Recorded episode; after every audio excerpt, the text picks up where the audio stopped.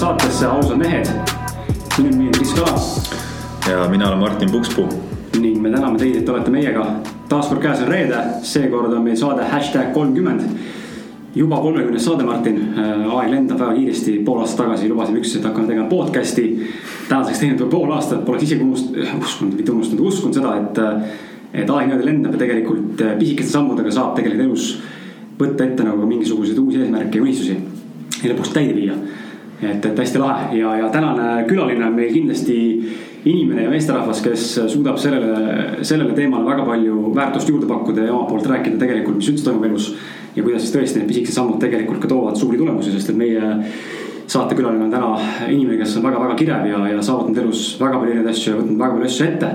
et äh, tuleb kindlasti väga põnev saade, nii et äh, olge meiega. mingeid uudiseid, Martin, meil on, ei ole? No minu uudis on see, et äh, kannatlikkust on vaja õppida. pidevalt elu näitab seda. et igas valdkonnas kannatlikkus, kannatlikkus, kannatlikkus viib, viib siin, et seda, see on nagu kõige-kõige suurem õppetund viimasel ajal. muud ei oska praegu niimoodi välja tuua nagu sihuke kõik ikka. igapäevarutiinid. jah, tahtsid midagi öelda veel? okei okay., aga lähme siis tänase saate juurde ja ja, ja väike siis sihuke sissejuhatav kirjeldus ka, et tänane külaline on meil siis Veiko Huuse. kes on äärmiselt põnev ja samas teisalt hästi salapärane ning kahesuunalisi mõtteid ja hoiakuid tekitav inimene. ta on tegutsenud kinnisvaraäris, tööriistaäris, tanklade, tanklakettide vedamise kokku puutunud. omades naisega täna ka veel Hispaanias siis aimarvella.com veebiajakirja ta on mees, kes on teinud elus, elus väga palju erinevaid asju ja nendest ka õppinud. täna on ta eeskujuks ja motivatsiooniks ja inspiratsiooniks väga paljudele inimestele üle maailma ja meil on õnnestunud siis Veikoga siin korra maha istuda siin mõnusas Spring Hub väikeses pesas esimest korda siin. et kindlasti soovitame, sellest räägime võib-olla täpsemalt saate lõpus. aga, aga tänane saade keskendub Veikole ja tema maailmale. tere tulemast, Veiko. tere tulemast, tänan kutsumast. kuidas on, on see esimene kogemus sul, ütleme siis sihukeses taskuringhäälingus või podcast'is nii-öelda osaleda? Jah, see kogemus on esimest korda, aga varem olen olnud televisioonis ja raadios ka rääkinud, aga, aga see on põnev kogemus jälle üle pika, pika aja. väga lahe, et ma kujutan ette, palju kuulab, ma ise ka, kui ma kunagi podcast'i kuulasin, siis ei osanud üldse ette kujutada, kuidas see saate nagu tegemine välja näeb, tegelikult see on lihtsalt põhimõtteliselt üksteisega lihtsalt vestlemine, aga lindistamise linti. ja tagantjärgi on alati lahe kuulata ka iseennast, hästi sihuke, tekib sihuke analüüsi moment iseendaga, et saab uusi asju enda kohta ka teada võib-olla näed ennast kõrvalt nagu onju. just, aga, aga lähme ilma pikema jututa, tänane saade tuleb võib-olla isegi natuke pikem, kui me tavaliselt loodame, aga, aga loodame siin ikkagi püsida, püsida siin kahe tunni raames ja, ja natuke isegi alla äkki. et äh, lähme esimese klassikalise küsimuse juurde, alati küsime küsijatelt, vabandust. külalistelt, kuulajatelt, külalistelt, et Veiko lugu, et kuidas sa oled jõudnud, võib-olla niimoodi noh, kokkuvõtlikumalt või, või niimoodi detailsemalt natuke rääkida, sa võid mitte väga süviti minnes, aga just anda nagu see sihuke laiem inimestele mõiste sellest, et kus sa oled täna jõudnud, kes sa oled. ja, ja mida on sulle selles mõttes siis kogu see eluteekond tänase päevani siis õpetanud? jah, no nagu sa juba alguses ütlesid, et mu elu on olnud väga kirev ja põnev ja teinud igasuguseid asju.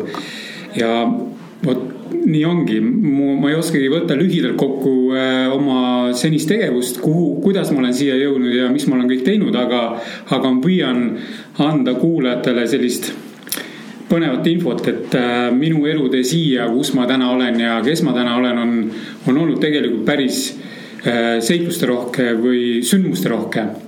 et minu ema kasvatas mind ja mu vanemat õde üksinda ja me elasime põhimõtteliselt Pärnumaal, Vändra metsas võib öelda nii. ja oli sihuke väike küla, kus praktiliselt inimesi ei olnudki, mõned üksikud naabertalus olid seal. ja, ja mina käisin siis väiksena ööpäevalasteaias ehk ema viis mind esmaspäeval lasteaeda ja reedel tuli järgi. ja mul sellist nagu noh, nimetatud kodutunnet või sellist koduarmastust eriti ei olnud mm. -hmm. ma ei saa öelda, et ema armastus üldse puudus, aga see oli.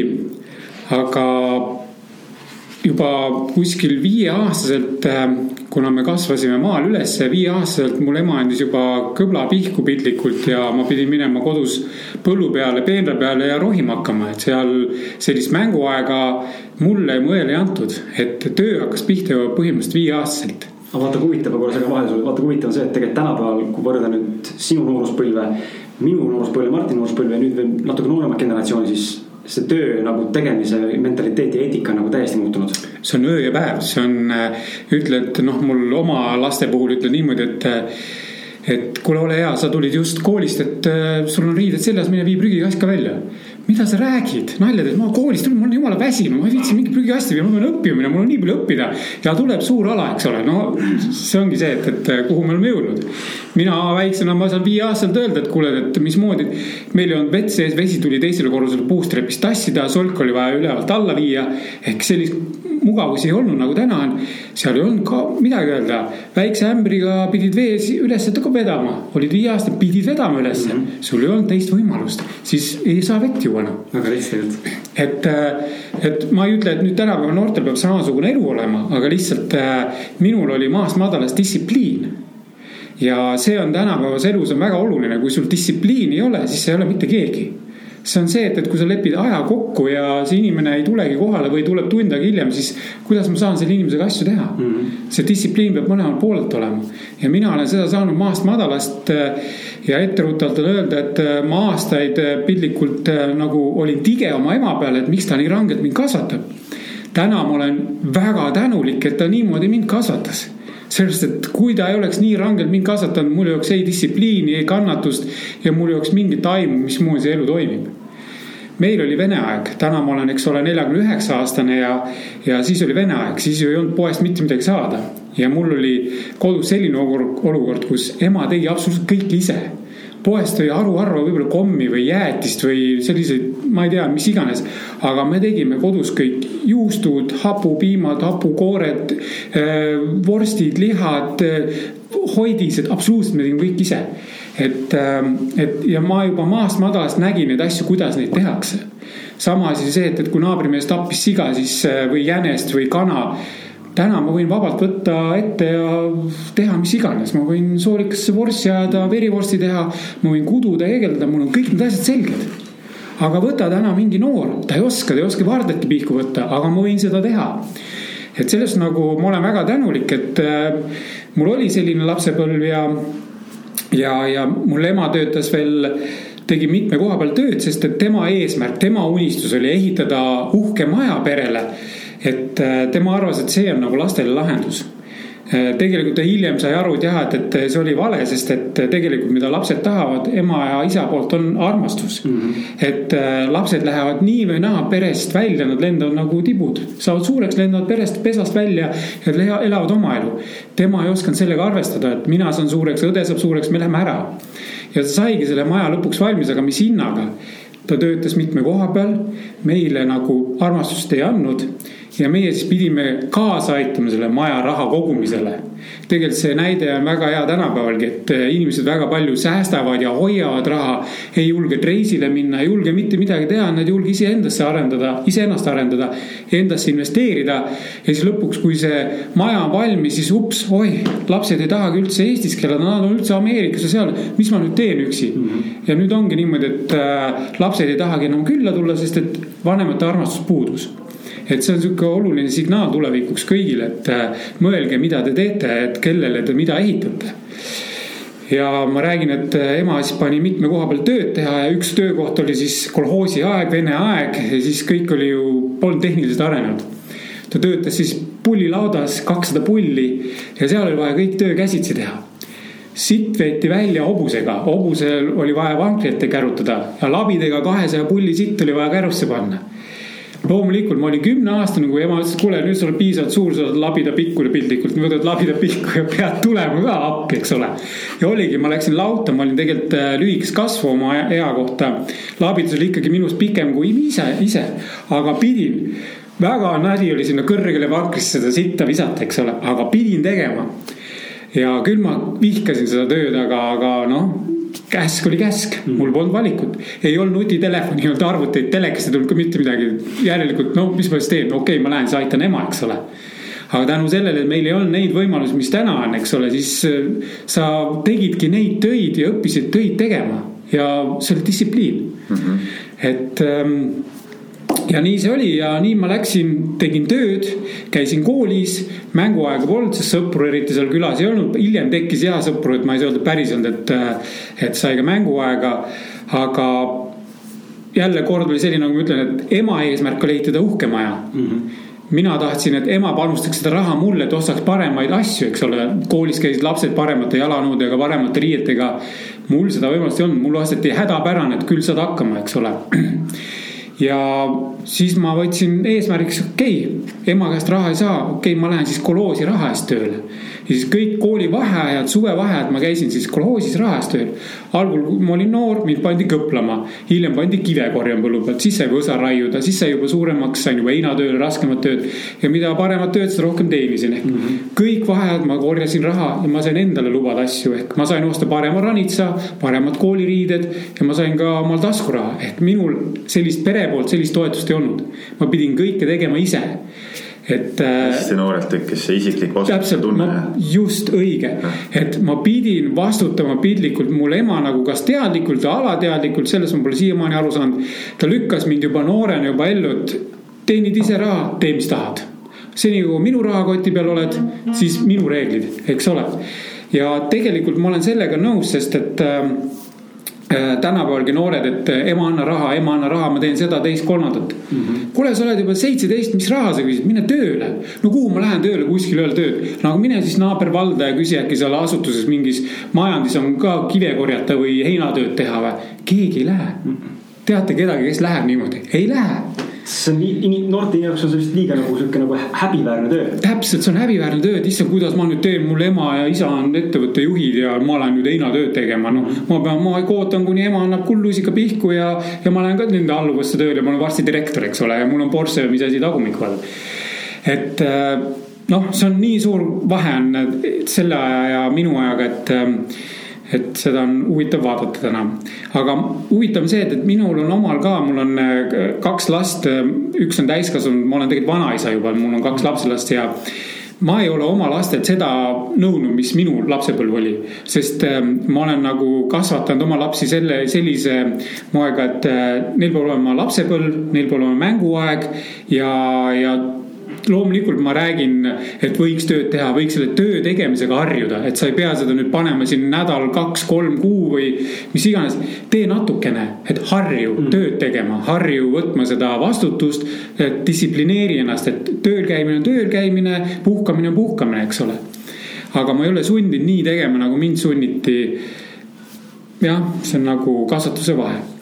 aga edasi ja ma sain nagu teenisin raha. ma olin suhteliselt aktiivne poiss. Äh, noh, tol ajal, ega praegu ka koolis kiusatakse ja, ja tol ajal ka tegelikult koolis kiusati, kiusati päris palju, eriti siis, kui sul olid kehvemad riided kui teistel. ja kui sa olid maalt, siis noh, jälle sa oled maakas, sa oled kaltsakas ja ma olin, äh, minu kasv, kasv läks koolis lahti suhteliselt hilja, et ma olin päris pikka aega lühikest kasvu, ma pidin väga palju kaitsma ennast koolis mm. -hmm. maalt ei olnud eriti head riided ja, ja siis nats kiusatigi, see oli väike lühikest aega, sest et äh, mul oli see maajõud ehk kui mul viie aastaselt pidin juba kõbla kätte võtma ja kümne aastaselt sitalabida kätte võtma, siis mul ikka see jõud oli mm. -hmm. ja koolis mul kehalise kasvatuse õpetaja pani mind tähele, et ma olen sihuke, et nägi, kuidas ma ühte endast pikemat poissi tuusteldasin, onju. lihtsalt jõuga võtsin ümber kinni, murdsin maha ja hoidsin nii kinni, kui hing kinni oli. ja mind ära tõmmati sealt pealt. siis ütlesid, kuule, et Veiko, et äh, mine maadlustrenni. meil seal Vändras on kõva maadlustrennid, värgid ja hea treener. ja läksingi sinna. aga mu koolitee oli selline, et äh, bussiliiklust ei olnud, viis kilomeetrit jala kooli, viis kilomeetrit jala koju tagasi mm. -hmm. ja siis trenn oli samuti seal nimetatud Vändras, jälle viis kilomeetrit trenni ja jälle viis kilomeetrit trennist koju tagasi. Ehk siis ma käisin siis kakskümmend kilomeetrit jala juba sellepärast, kui ma pidin koolis käima ja trenni minema. iga päev kakskümmend kilomeetrit. iga päev kakskümmend kilomeetrit, pluss veel tegema siis vahest, kui ma varem kool lõppes, trenni ei olnud, siis ma pidin emale appi veel minema, tegema kolm tundi seda kuradi pullitööd, eks ole. ehk siis selline oli minu lapsepõlv aga ma ei kahetse midagi, sest et äh, ma olin äh, tippmaadleja mitmeid-mitmeid aastaid. ja, ja, ja sellega tekkis nagu ka sealkandis väike autoriteet koolis, et äh, kõva maadleja, keegi enam ligi ei julgenud tulla. ja, ja põhimõtteliselt põnev oli siis, kuna mul oli väga hea hääl, mind märgati jälle laulukooris, ma siis laulsin seal poistekooris, segakooris, tegin rahvatantsu, peotantsu. ma olin väga aktiivne, ma osalesin kooliradio tegemisel ja lõpuks olin ma diskor juba viieteistaastasel koolidiskor ja tegin pidusid ja sealt hakkas minu esimene ärikogemus nimelt mul jäi kool väikeseks mind koolipeod ei huvitanud, seal ei olnud raha mm. -hmm. seal õpilastel pidid tasuta tegema, eks ole, rohkem seal kaks tundi, siis rohkem ei tohtinud pidu teha. mina läksin kohe siis juba raamidest välja, et ah jaa, kümneaastaselt ma tuletan meelde, et äh, siis on kindlasti, et miks ma olen siia jõudnud. et äh, mida varem sa omal unistused äh, paika paned, eesmärgid, seda parem on sest kui sa noh, kunagi ei ole hilja, aga mida varem sa seda teed, seda parem mm. -hmm. ja siis oli see, et, et ma mäletan kümne aastat, kui ma tahtsin väga saada jalgratast omale sünnipäevakingituseks, mul polnud jalgratast, aga minuealised juba ammu sõitsid jalgrattaga. siis ma, ma unistasin niimoodi, et kui ma suureks saan, siis ma teen täpselt sellist äri, et ma saan endale lubada mida iganes tahan. ma reisin, kuhu tahan ja mitte keegi mind ei kamanda eks ole, et mul oli juba siis kümneaastaselt sünnipäeval läks selline unistus mul lahti, et, et ähm, kuna ma kümneaastaselt ma nägin ka, mu emal onu elas Saksamaal ja tema saatis siis Ida-Saksamaal, tol ajal veel Ida-Saksamaal mm, -hmm. saatis siis sealt äh, igast huvitavaid nänne, neid, neid mingit pound, äh, poonde või mis asja, siis oli Tallinnas turistipood, kus nüüd oli see ööklubi on seal Tartu maanteel see Cat House mm, -hmm. siis seal oli turistipood ehk valuutapood, seal siis sai käidud nende asjadest, ema käis seal ostmas neid asju. siis ta tõi endale loomulikult, siis tõi meile ka võib-olla noh, minule öelda tõi nätsu, eks ole. siis ma mõtlesin, et okei okay, äh, et minu äri peabki selline olema, ma reisin, ma reisin, kus tahan et kindlasti ma tahan Saksamaale minna, siis mul oli see Saksamaa mm. -hmm. ja kuna ma salaja, ma tean, et sõber tegeles sellise äh, antenni teemaga salaja, kõik oli ju keelatud Vene aeg mm. -hmm siis me, temal oli ka metsas kuskil pärapõrgus oli see talu, kus ta siis ajas kõrgeid antenne püsti, kust me üritasime siis läbi saada Soomest mingit pilti, Soomest kanaleid või siis Ameerika häält kuulata. Ameerika hääl oli tol, ajal väga populaarne. mingid helid saime kätte ja siis ma tean, et äh, unistasime koos, et davai, et esimesed riigid, kuhu me peame kindlasti minema, on Saksamaa ja Ameerika Ühendriigid. nii kui see võimalus tekib. ja nii see kümne aastaselt mul unistus tekkiski Äh, äri, kus keegi ei kamanda, ma saan lubada endale, mis ma tahan, mul on raha nii, et muda ja ma reisin, kuhu tahan. et see oli sihuke huvitav unistus. ja, ja viieteist aastaselt siis hakkasin pidusid tegema siis äh, väljaspool äh, koolimaja.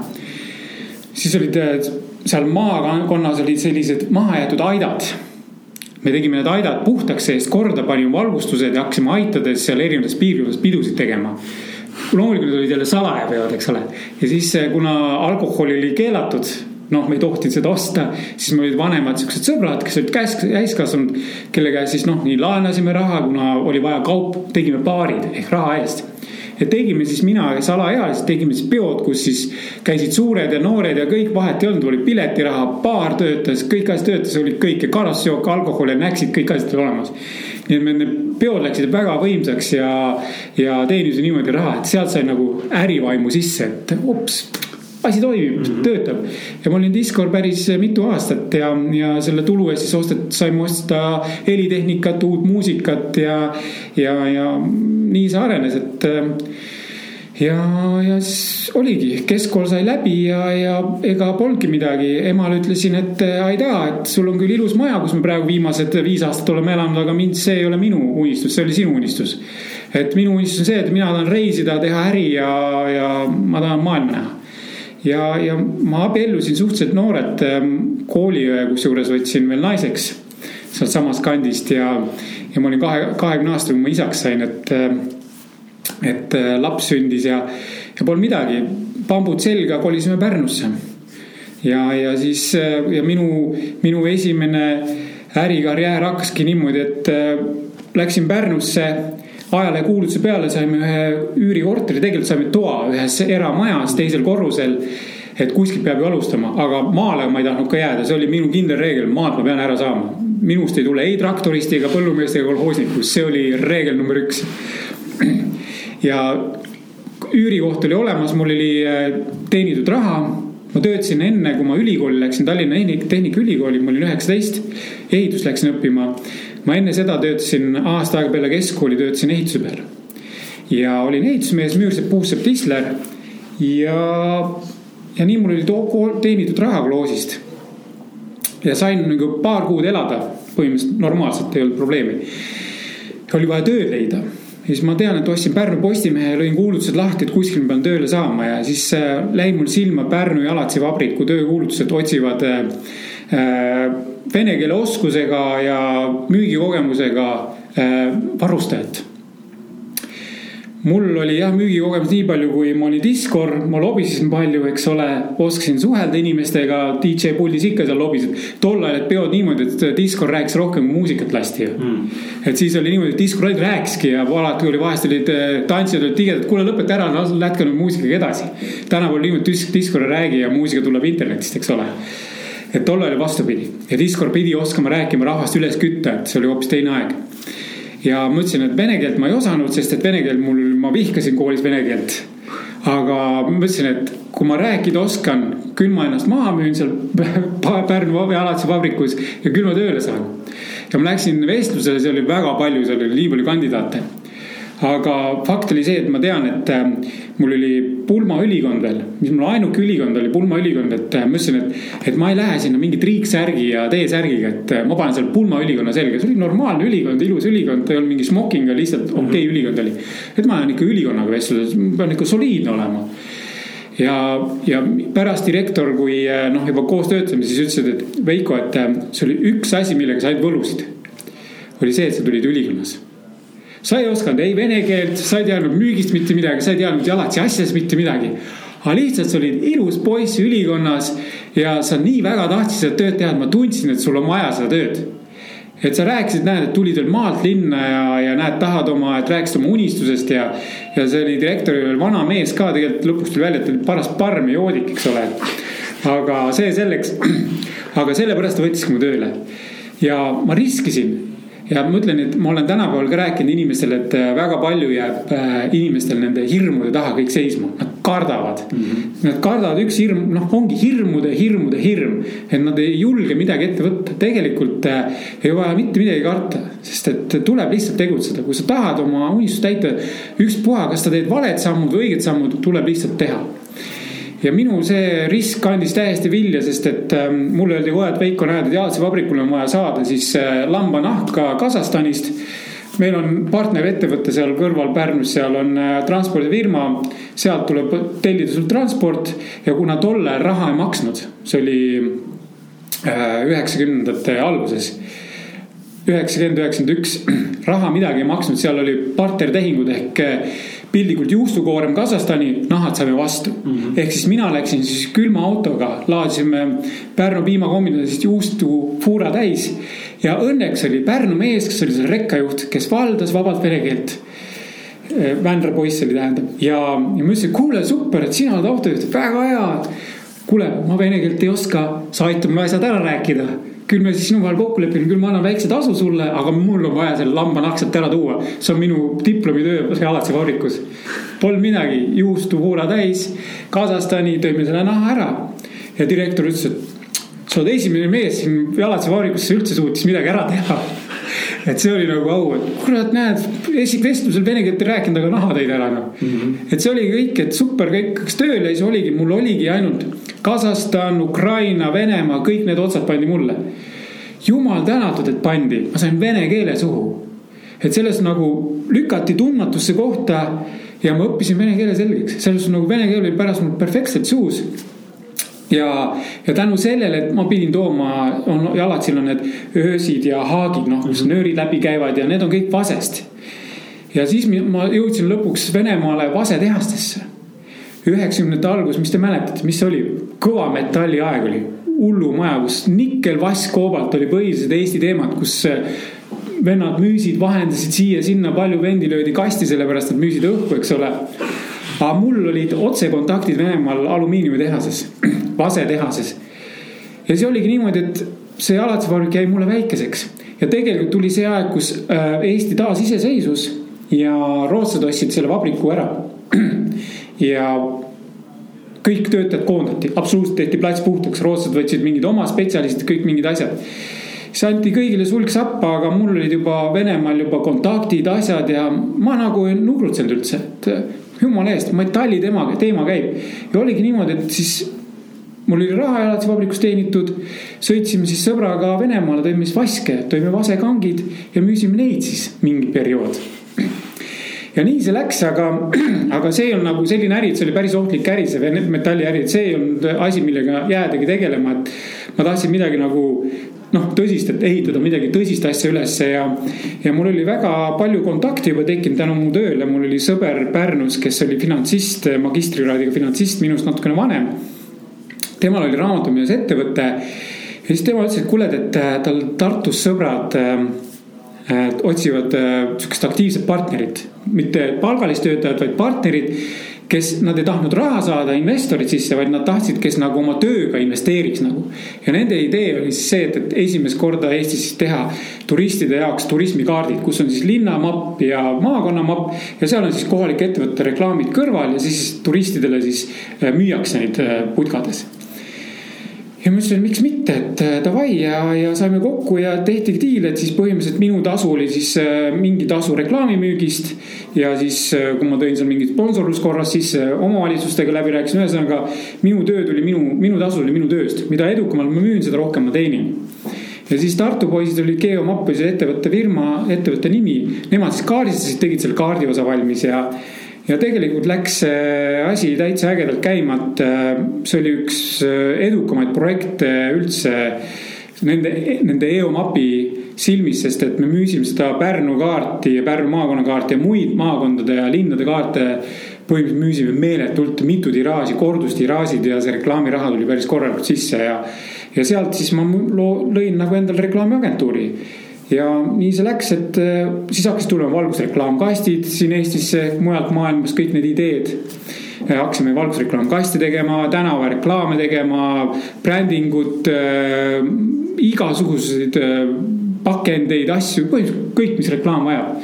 ja ma avasin juba filiaalid Riiga, Vilniusesse ja ma ei olnud ei raamatuid lugenud, ei mitte midagi teinud, lihtsalt äh, mul nagu kuskilt nagu see sisehääl ütles, et kuule, et sul ei ole mõtet osta näiteks äh, Ford Sierrat või äh, tol ajal olid siuksed autod popid olid, Nissan, mingi Datsun või missugused, mingid Toyota Avensis või siuksed Mitsubishid.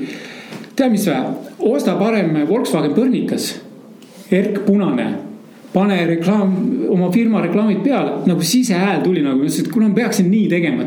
et äh, põhimõtteliselt reegel on niimoodi, et kui sind ei märgata, sind pole olemas mm. -hmm. ja ma otsingi, ostsingi, sest teised autod olid kallid põrnikas oli imeodav, ma ei mäleta, mõttetu raha eest ma sain selle põrnika kuldsest börsist ostsime selle põrnika. panime kleepsud peale ja sellega paningi Leedu, Läti vahet paningi ja kõik teadsid, kes see on. aa, see on see reklaamifirma vend tuleb kohale, väga lahe, see on nii lahe vend, sa sõidad põrnikaga ka, no kujuta ette, sa mõtledki teistmoodi juba. et äh, nii need asjad läksid ja, ja reklaamifirmast äh, see jäigi tegelikult ähm, äh, tiimile endale majandada, sest mina tahtsin jälle edasi minna. ehk sellest momendist hakkaski pihta, kui ma Pärnusse tulin. mul on tänagi öeldud niimoodi, et, et mõned korrad on öeldud, et Veiko, et sa ainult käivitad, aga sa ei vii midagi lõpuni, onju. Mhm. ma ütlesin, ei, ma viin ikka lõpuni küll, ma viin täpselt nii lõpuni, kui mina tunnen, et ma enam siin kaasa aidata ei saa ehk minu töö on tehtud, see ongi minu lõpp selles projektis ja ma lähen nüüd edasi mm. -hmm ma ei jõua täna rääkida, kui palju projekte ma olen teinud, aga ma räägin nendest olulistest, miks ma olen jõudnud mingi sammu, sammuga kuhugi, et äh, peale reklaamifirmat äh, kuna mul jäi hästi meelde, et äh, mõjus see, kui sa töövestlusele tuled puhtalt kasitud mehed ülikonnas, naised ka kas ülikonnas või soliidses riides, et see on oluline aga jälle üheksakümnendate algus poes mitte midagi saada polnud. mõtlesin, et kuskohast inimesed saavad, kuskohast ärimehed või ärinaised saavad ilusad riided ma pean ise selle au ära täitma, ma pean hakkama tooma sisse ilusaid riideid. ehk ma tahtsingi siis rajada tegelikult moerõivaste poeketi, aga ma olin ju Pärnus. siis see aeg ma hakkasin aru saama, et kõik käib läbi Tallinna mm. -hmm aga ei olnud hullu, avasin ikkagi Pärnus poe ja poe avamine käis ka niimoodi, et, et ruttan jälle edasi, tegelikult elus ei ole mitte midagi juhuslikult kõik, kõik, mis su ette teele satub, see on ette nähtud mm. -hmm. ja kui mina hakkasin mõtlema poeruumi otsima, ma vaatasin, et Pärnus oli Rüütli tänav, mis on peatänav, see on poodide tänav. seal nägin, et äh, üks äh, naiste pesupood on müüa. seal oli silt, et äh, otsitakse uut nagu partnerit või omanikku. ma võtsin ühendust, põhimõtteliselt ma tegin diili siis päris eduka naiste pesupoega. ja, ja, ja see pood siis ostis tegelikult oma kaubad kõik Tallinna hulgilaost. Ja ma mõtlesin, et okei okay,, ma hakkasin selle poega majandama, mõtlesin, et see ei ole õige. ma pean ise maale tooma, ma saan hinnad alla ja ma saan paremini seda majandada. ja nii siis avasin üle Eesti neid poode päris palju.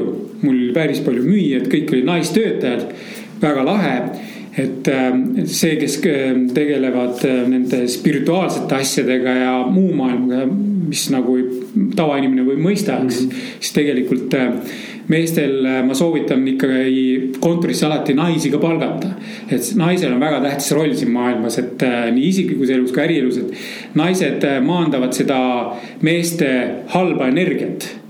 ja naised saavad meestelt seda mõistust mm -hmm. ehk nad töötavad koos väga hästi ja, ja, ja ma olen täna siiamaani aru saanud, et ma sobin naistega rohkem töötama kui meestega, sest et seda äh, ropendada vist eetris ei tohi. ühesõnaga seda paska tuleb niivõrd palju siin maailmas, et lihtsalt need mehed ei jõua seda ära ekseldada ja sellepärast need mehed nii noorelt nagu ära lähevadki teise ilma, sest et mm. nad ei pea lihtsalt selle pasale vastu, seda on niivõrd palju.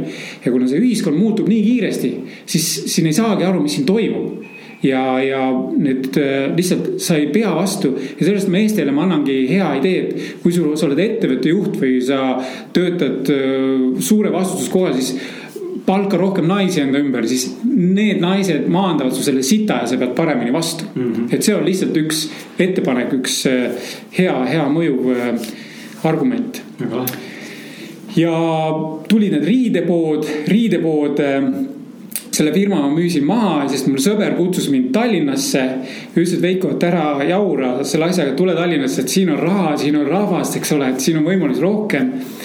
ja ma kolisingi siis äh, üheksakümne seitsmendal aastal Pärnust ära Tallinnasse ja jälle alustasin ikkagi äh, Pärnus, kusjuures ma elasin kogu aeg üürikorteris ja sõitsin selle põrnikaga ringi, aga vahepeal oli Saab üheksakümmend üheksa ka, hele roheline jälle et siuksed uunikumid ja, ja, ja mul oli lahtuse katusega korvett ja ikka sellised teistmoodi autod, et, et sa pead silma jääma, sest et muidu sind ei ole olemas. ja Tallinnas siis hakkas pihta sõbraga, tegime siis äh, mitu ettevõtet. Äh, kuna mul tuli tänu sõbrale tulid lisainvestoreid, partnereid, me tegime esimese kiirlaenufirma Eestisse, üleöö hakkasime laene andma. tuli kinnisvaraarendus, ehitusfirma Äh, kuna mul on ehitusinseneri haridus, siis äh, neid ettevõtteid oli niivõrd palju, mul oli põhimõtteliselt konsortsium, kus oli kaksteist tütarettevõtet.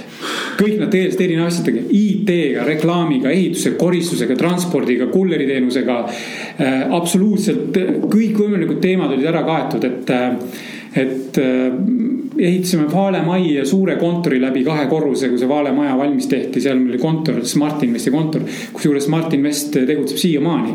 nüüd ta on jäänud lihtsalt konsultatsiooni ja sihuke noh, koolitusettevõttena tegelikult on lihtsalt kui keegi vajab abi, siis ma aitan sõprade ringkonnas, aga enam niimoodi nagu teenust kui sellist ei müü. ja, ja siis ma jõudsin mitmeid tootmisi teha, ma arvan, et täna ma siin ei räägi, kuidas ma käivitasin. Äh, tegelikult käi, räägin, ühest asjast räägin, Pärnus enne kui ma Tallinnast tulin, ma alustasin tootmisega, see oli müsli tootmine. müsli, müsli, täpselt ja, ja, ja kui Eestis hakkas läbi soomlaste ja kui tuli see mehukati ja kõik müslid ja kõik need trallid hakkasid tulema, eks ole. ja siis mõtlesin, miks me jälle ostame kuskilt Soomest sisse, teeme ise. arutasime need müslipakid erinevad poest, ostsime kokku, alustasime need lahti. no siin ei ole midagi keerulist ju kaerahelbed ära röstida, segada kuivatud puuviljade kokku, ilus pakend, kleeps peale, läheb. ja nii me tegime, siis oli neli perekonda, kes siis algul siis, siis kodudes kõik oma ahjudes röstis seda. ta tõi küll erinev röst, igal pool erinev röst. ma ütlesin, kuule, et me ei saa eraldi pakendada, sest kõigil röst erinev, me ei saa niimoodi. parem niimoodi, et me röstime kõik küll oma kodudes, aga segame siis selle röstitud mhm. kaera pealt kokku, teeme miksi, et siis ei saa keegi aru ja siis segame nagu kokku, et algul me panime küll puusse. aga noh, töö käigus õpid ju. ja siis meil läks päris hästi, Hammi müsli oli veel selle nimi ja Robert äh,. Romet Nael, Robert, Romet Nael, kes täna on väga edukas koolitaja. kes siis tegelikult kasvas äh, sealsamas müsli ettevõttest äh, kui minu kolleeg siis ta õppis nagu minu käest neid trikke, asju, täna ta on super koolitaja, mul on hea meel, et temast on saanud koolitaja, mis koolitab ise noh, minusugused või. et ähm, ja siis paar tegelast veel ja siis oligi perede firma. Hammi müsli müüsime absoluutselt terve Eesti üle kaetud. ja siis ähm, põhimõtteliselt meid osteti ära see oli hea, see üks Eesti üks suuremaid müslitootjaid ostis meid ära ja meie läksime siis oma asjadega edasi, tema siis tegelikult pani selle business'i kinni, sest temal oli vaja lihtsalt konkurente ära likvideerida mm. -hmm. ja tänapäeval toimub seda väga tihti, lihtsalt ostetakse sind ära, siin su ettevõte ei jätka. täpselt aga meil sellest polnud midagi, me saime väga hea raha ja mina kolisingi siis tänu sellele, saingi rahasüstid, kolisin Tallinnasse ära, hakkasin Tallinnas nende asjadega. aga mulle hakkas see tootmine väga meeldima. Ja selles müsli tootmises ma jõudsin siis massaaživanni tootmisteni, see massaaživanni tootmine töötab siiamaani, Raplas on see tehas. Ja ja massaaži tootmise kõrval, vanni tootmise kõrval ma hakkasin tänavakive tootma, tootma, neid tänavakive on siin Tallinnas väga palju, mis on äh, nagu minu ja mu sõbra tehasest välja tulnud siis tänavakivi tootmise tehas, ähm, see müüdi ära. Äh, lihtsalt see, see ei olnud nii edukas, me polnud mõtet, nii palju peavalu oli selle asjadega samuti massaaživanni tootmine oli nišitoode, sest äh, tuli Venemaalt tellimusest, me tegime erikujuga vanne ja see oli ülikallis, Eestis turgu ei olnud, jälle oli Venemaa turg. ja mujal turg, see oli jälle sihuke nišitoode, aga lihtsalt oli vaja teha ka midagi sellist äh, nišibrändi, sest et äh, mida sa oma lastelastele räägid vanast peast, kui sa ei ole mitte midagi teinud, eks ole. sa saad ju näidata pilti, näe vaata, ma tegin sellise kujuga massaaživanne ja seal näed selle vene, venelasele nägu sealpool ja see tema naise nägu sealpool ja seal alasti pilt seal põhjas ja noh, sellised, sellised vannid, eks ole siis tuli meil väga kõva projekt, oli äh, Eesti oma tööriistabränd. selles ka Äripäev asundas äh, söögi alla, söögi peale. et see oli väga huvitav ähm, teema, et mõtlesime siis seltskonnaga välja, et äh, me peame tegema Boschi ja Devaldi ja Makita kõrval ikka Eesti oma tööriista ka. ja see oli Kuvalda Tools, Kuvalda oli selle brändi nimi ja see oli äh, väga põnev aeg, aga ta sattus väga kehvale ajale, sest äh, maailmas hakkas tulema majanduskriisi nähud kaks tuhat kuus, kaks tuhat seitse. ja me alustasime kaks tuhat viis sellega ja, ja tootsime siis Hiinas Eesti tööriista brändi Kuvalda ja müüsin siis Türgis. nii et sihuke kompott oli, et tegelikult me tegime see Kuvalda Toolsi Venemaa turu jaoks, aga Venemaa kukkus tagant ära, meil oli vaja uus turg leida, aga samal ajal ma elasin tegelikult Türgis. sest mul oli seal ehitusfirma, turismifirma ja nii edasi, et äh, mul oli väga palju igal pool reisinud ja teinud ja Türgi oli see minu nagu teine kodu. ja ma sain Türgi suure turu taha ja päris hästi läks aga majanduskriis tuli peale ja põhimõtteliselt äh, turg kukkusid kõik kokku mm. ja, ja me pidime nagu Valdo Toolsi, ma ei hakka rääkima, mis tegelikult see probleemid seal olid, see nende inimeste, minu äripartnerite enda südametunnistuse peale, miks nad nii tegid, aga las ta olla. aga ettevõte piltlikult lõppes pankrotiga ja tegelikult äh, see oli see koht, see majanduskriis, kus tõmbas ka minul äh, kõik nagu kraanid kinni. kõik ettevõtted põhimõtteliselt äh, lõpetasid tegevused, asjad. ja ma sattusin tänu sellele tööriista brändile päris suurtesse võlgadesse, sest et äh, mul oli tööriista tootmise jaoks äh, kõikvõimalike kaupade ostuks, mis iganes. noh, see oli suured pangalaenud peal pank andis muudkui laenu ja võtab muidugi, tagatised on olemas, Veiko Uuse käendused, kõik olid peal. ei ole probleemi põhimõtteliselt siis ma kaotasin kõik oma varad, majad, korterid, autod, kõik läks pangale ja ma jäin veel pangale võlgu, sest pangalaenud olid päris suured. ja selle tulemusel ikka ma läksin korralikult mutta, no ikka maa alla põhjalikult, no ikka nii maa alla annab ikka olla ju, et äh, võlad, pere katki, need reisid äh, äh, laostasid mu perekonna, ma lahutasin, eks ole. et see oli, see oli noh, korralik matakas. aga minu minu lapsepõlves on jäänud mulle meelde kaks väga olulist äh, soovitust, üks on minu vanaema poolt ja teine minu maalustreeneri poolt. ja see on, seda tasub meeles pidada, et äh, minu vanaema ütles niimoodi, et äh, kulla poja, et kõige tähtsam elus see, et kuula alati kõik inimesed rahulikult lõpuni. aga tee ikka omamoodi. ja maalustreener ütles alati mulle nii, Veiko, see ei ole ainult maalusmati peal nii. ükspuha mis elusituatsioon on, kui sind maha murtakse, tõuse kohe püsti, ükskõik kui valus see ka pole, tõuse kohe püsti ja maadle edasi ehk tegutse edasi mm, -hmm. et ära jää maha pikali. on see pere, on see äri, on see võistlus, kohe tegutse edasi. et ja selle, nendest kahest asjast ma olengi lähtunud, et, et inimesel peab olema, nagu sa ütlesid alguses, et äh, Vastutus. vastutus, kannatlikkus Hmm. kannatlikkus peab sul olema elus igal pool kaasas. kannatlikkus kuulata. sa pead kuulama inimese lõpuni, sa ei saa vahele segada, sest et mis sa tekitad sellega. inimene hakkab rääkima, sa hakkad oma mõtted vahele segama. ja tegelikult, kui inimene jõuab selle asja mõt-, lõpuni rääkida, siis saadki aru, ah, see oligi see, mis ma tegelikult noh mm, -hmm. aga sa oled juba enda brändi ära rikkunud. ehk sa oled inimene, kellega ma ei taha enam kohtuda, sest sa ei oska kuulata ja teine asi on kannatlikkus, sest mõni inimene räägib väga palju. sul peab olema kannatlikkus, tuleb lõpuni ära kuulata, sest kui sa vahele segad, sa astud ämbrisse. ja ma õppisin seda tänu sellele, et vanaema nii ütles ja, ja tegelikult ma õppisin ka seda Türgis elades kannatlikkust, sest et äh, see kehtib ka praegu Türgis üldse moslemimaades, araabia maades, ma olen elanud ju viis aastat Türgis, aasta aega Egiptuses. olen araabia maades tegutsenud, olen Venemaal elanud, Ukrainas elanud, Hiinas elanud aasta aega. ehk ma olen väga paljudes riikides elanud ja töötanud, konkreetselt ärisid seal juhtinud, teinud, asutanud et Türgi oli see koht, kus ma sain aru, et äh, kui seal öeldakse sulle kümme korda kogu aeg, et tomorrow, tomorrow, tomorrow. Siis põhimõtteliselt peale kümnendat korda, siis sa pead veel arvestama, et sealt tuleb veel korra, et, et noh, ei ole nii, et, et kui me leppisime kokku homseks, siis see nii ei ole. et seal tuleb veel kümme korda homset, et lõpuks, kui saab asi tehtud või sa saad kohtuda, et äh, kannatlikkus on väga oluline ja araablastega koos töötades äh, ma õppisin äh, väga olulise asja selle selgeks, et, et jälle kannatlikkus, et ära kunagi torma, mõtle asjad läbi ja araablaste ütlus on selline, et kui sa aeglaselt kõndida ei oska, siis sa rikkaks ei saa. et võta, kuidas sa seda terminit tahad. et äh, see on väga oluline meeles pidada, et elus, kui sa midagi ette võtad ja teed, et äh, ja, ja, ja kui ma sinna maa alla kadusin ehk äh, terve see majanduskriis mind peksis eest takka igalt poolt, siis äh, see hetk ma elasin tegelikult Egiptuses ja, ja seal ma leidsin inglasest äripartneri, kellega olid seal ööklubid ja restoranid, et, et äh, siis tuli see revolutsioon Egiptuses siis võeti see põhimõtteliselt riigipööre, revolutsioon, kõik see Egiptus käis ka vastav maad, eks ole, ja siis võeti välismaalastelt ära kõik ärid. kõik ärid võeti välismaalastelt ära ehk moslemi vennaskond kaapis kõik välismaalt ära. siis ma vaatasin, mis toimub. majanduskriis tagus mind niigi põhja, onju. nüüd Egiptusest võeti kõik teed ka ära, mis veel järgi olid, eks ole. et mis nüüd teha? ja ma tulin Eestisse tagasi. ja, ja Eestis siis äh, polnud midagi, ega maha ei tohi ju jääda mm -hmm. lamama, sest mida rohkem sa jääd ootama seal noh, nimetatud nutma või mõtlema, et kas panna nöör kaela või mitte panna, eks ole.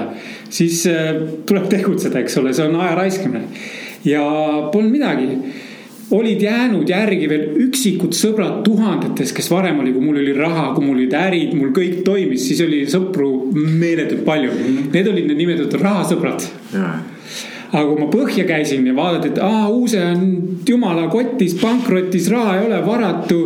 Kommentaatorid panid ka söögi alla, söögi peale, leiti üles vanad artiklid kuskilt ajalehest, et ah, ta ongi selline, mille, millegagi hakkama ei saa, onju.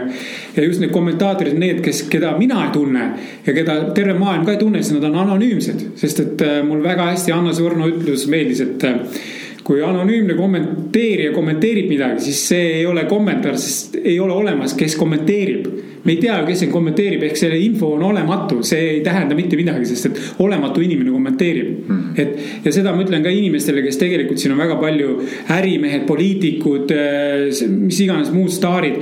noh, on, lüüakse rivist välja nende kommenteerimistega põhimõtteliselt nuusake nende kommentaatorite peale, need on, need ei ole mitte keegi, see on, see tuleb kuskilt see jutt ja need on mõttetud inimesed, tühjad inimesed ja neid ei ole olemas ja üldiselt kommenteerivad ikkagi need inimesed, kes, kes sind või mind ei tunnegi.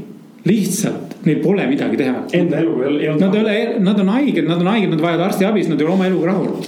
Neil on midagi puudu ja nad on elu peale tigedad, nad on enda peale tigedad, nad ei armasta iseennast, sest nad kaagutavad teiste kallal ja, ja need, kes mind tunnevad, need keegi kommenteeris, pole midagi kommenteeris, nad teavad, kes ma olen ja miks ma olen sattunud sellisesse olukorda, nad teavad asja sisu. aga need, kes sisu ei tea, need siis põhimõtteliselt äh, kommenteeritavadki, nad on nii targad noh. aga tulin Eestisse ja sattusin siis äh, jälle sõber, väga hea sõber, kes tegelikult on noh, ma arvan, võin nime nimetada, Gert Laasmäe, kes on tegelikult meelelahutaja, kes korraldab neid tantsuväline raisid ja kõiki asju ja ja tema kutsus siis, kuulis, ma tulin Eestisse, kuna Gert Laasmäe töötas minuga koos, mul oli Eestis kunagi ööklubi, aga ma ei räägi sellest, see oli üks väga võimas asi. sealt käisid absoluutselt kõik Eesti staarid läbi, absoluutselt, see oli väga võimas ööklubi, see olnud Tallinnas. aga Gert Laasmäe õppis seal ka ja ta oli seal mul projektijuht ja, ja tema ütles, oo Veiko, sa oled Eestis, et davai, et naistepäevapidu on tulemas, et et äh, tule peole, ma ei viitsinud minna, sest mind ei huvitanud ööklubid, sest ma alles Egiptusest tulin, kus mul oli kaks suurt ööklubi, et ma ei tahtnud ööklubis, Türgis ööklubid ja ma ei tahtnud nendest kuulda ka näha kuidagi. aga ei, ta ütles, et laud ja tule ja lihtsalt ole, noh, lihtsalt saame kokku, pole aastaid näinud. ma läksin sinna klubisse ja, ja, ja tegelikult oli seal, ma tutvusin siis, ma olin üksi, mul polnud enam naist, ma olen lahutatud ja, ja ja ma tutvusin üle aastate siis äh, uue tänase elukaaslasega, kellega ma elan koos kaheksa aastat. ja, ja põhimõtteliselt tänu sellele jälle niimoodi läksin lihtsalt vastu tahtmist, noh, kuule, sõber kutsus, ma ikkagi läksin. ja, ja öeldakse üle klubis kohtumine, no see, mis suhe see on mm., tegelikult on erandeid, alati elus on erandeid ja kõik ei ole mustvalge. ja kohtusin ja, ja see kohtumine viis jälle nagu, andis nagu elul mõtte, kuule, uus suhe ja siis noh mm -hmm. ja panin nagu aju tööle, kuule, ma peaks midagi nüüd tegema hakkama, sest et ma tulin Eestisse, midagi peaks tegema ja põhimõtteliselt oligi niimoodi, et üks sõber vajas abi, konsultatsiooni, kuule aita ja seda, et kuule, mul on üks projekt, äkki sa tuled, aitad selle käima lükata ja lükata, et lühiajaline, aga aita. ja üks asi viis teiseni ja lõpuks ma olen täna siis jõudnud siiamaani, kus ma olen siis äh, Eestisse tulles mul oli, oli käivitatud uuesti restoran, sushibaar, prantsuse pannkoogikohvik, kõik töötas jälle. Kõik nagu liikus, põhimõtteliselt ei millestki, lihtsalt üks jalutuskäik ööklubisse, uus tutvus ja andis nagu energia. Davai, nüüd on vaja tegutseda, ehk läks, läks, läks ja täna siis olen jõudnud siiamaani, kus restorani business'ist oma kogemusi äh, kasutades olen siis jõudnud sinnamaani, kuna restoranis hakkasin müüma toitu Bitcoinide eest ja tänu sellele, et äh, Asse Sauga tuli lihtsalt restorani ukse sisse, ma ei tundnud Asse Saugat, kes on täna krüptoliidu president.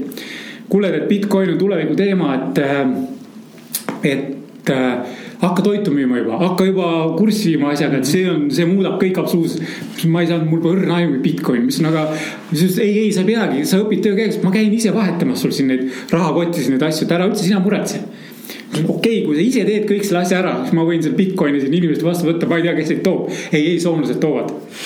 Ja mul oligi, mul oli äh, äh, Kaukaasia restoran ja kus siis müüsin äh, Bitcoinidest toitu. ja oligi ja soomlased käisidki ja juba mõned eestlased hakkasid tulema, kes maksidki Bitcoinide eest bla, bla, blablabla ja päris põnev oli ja ma ikkagi viitsin selle kurssi viia, mis asi see krüptovaluuta on, eks ole, mind ei huvita, kui Asse Sauga vahetab, las ta vahetab seda asja, väga lahe.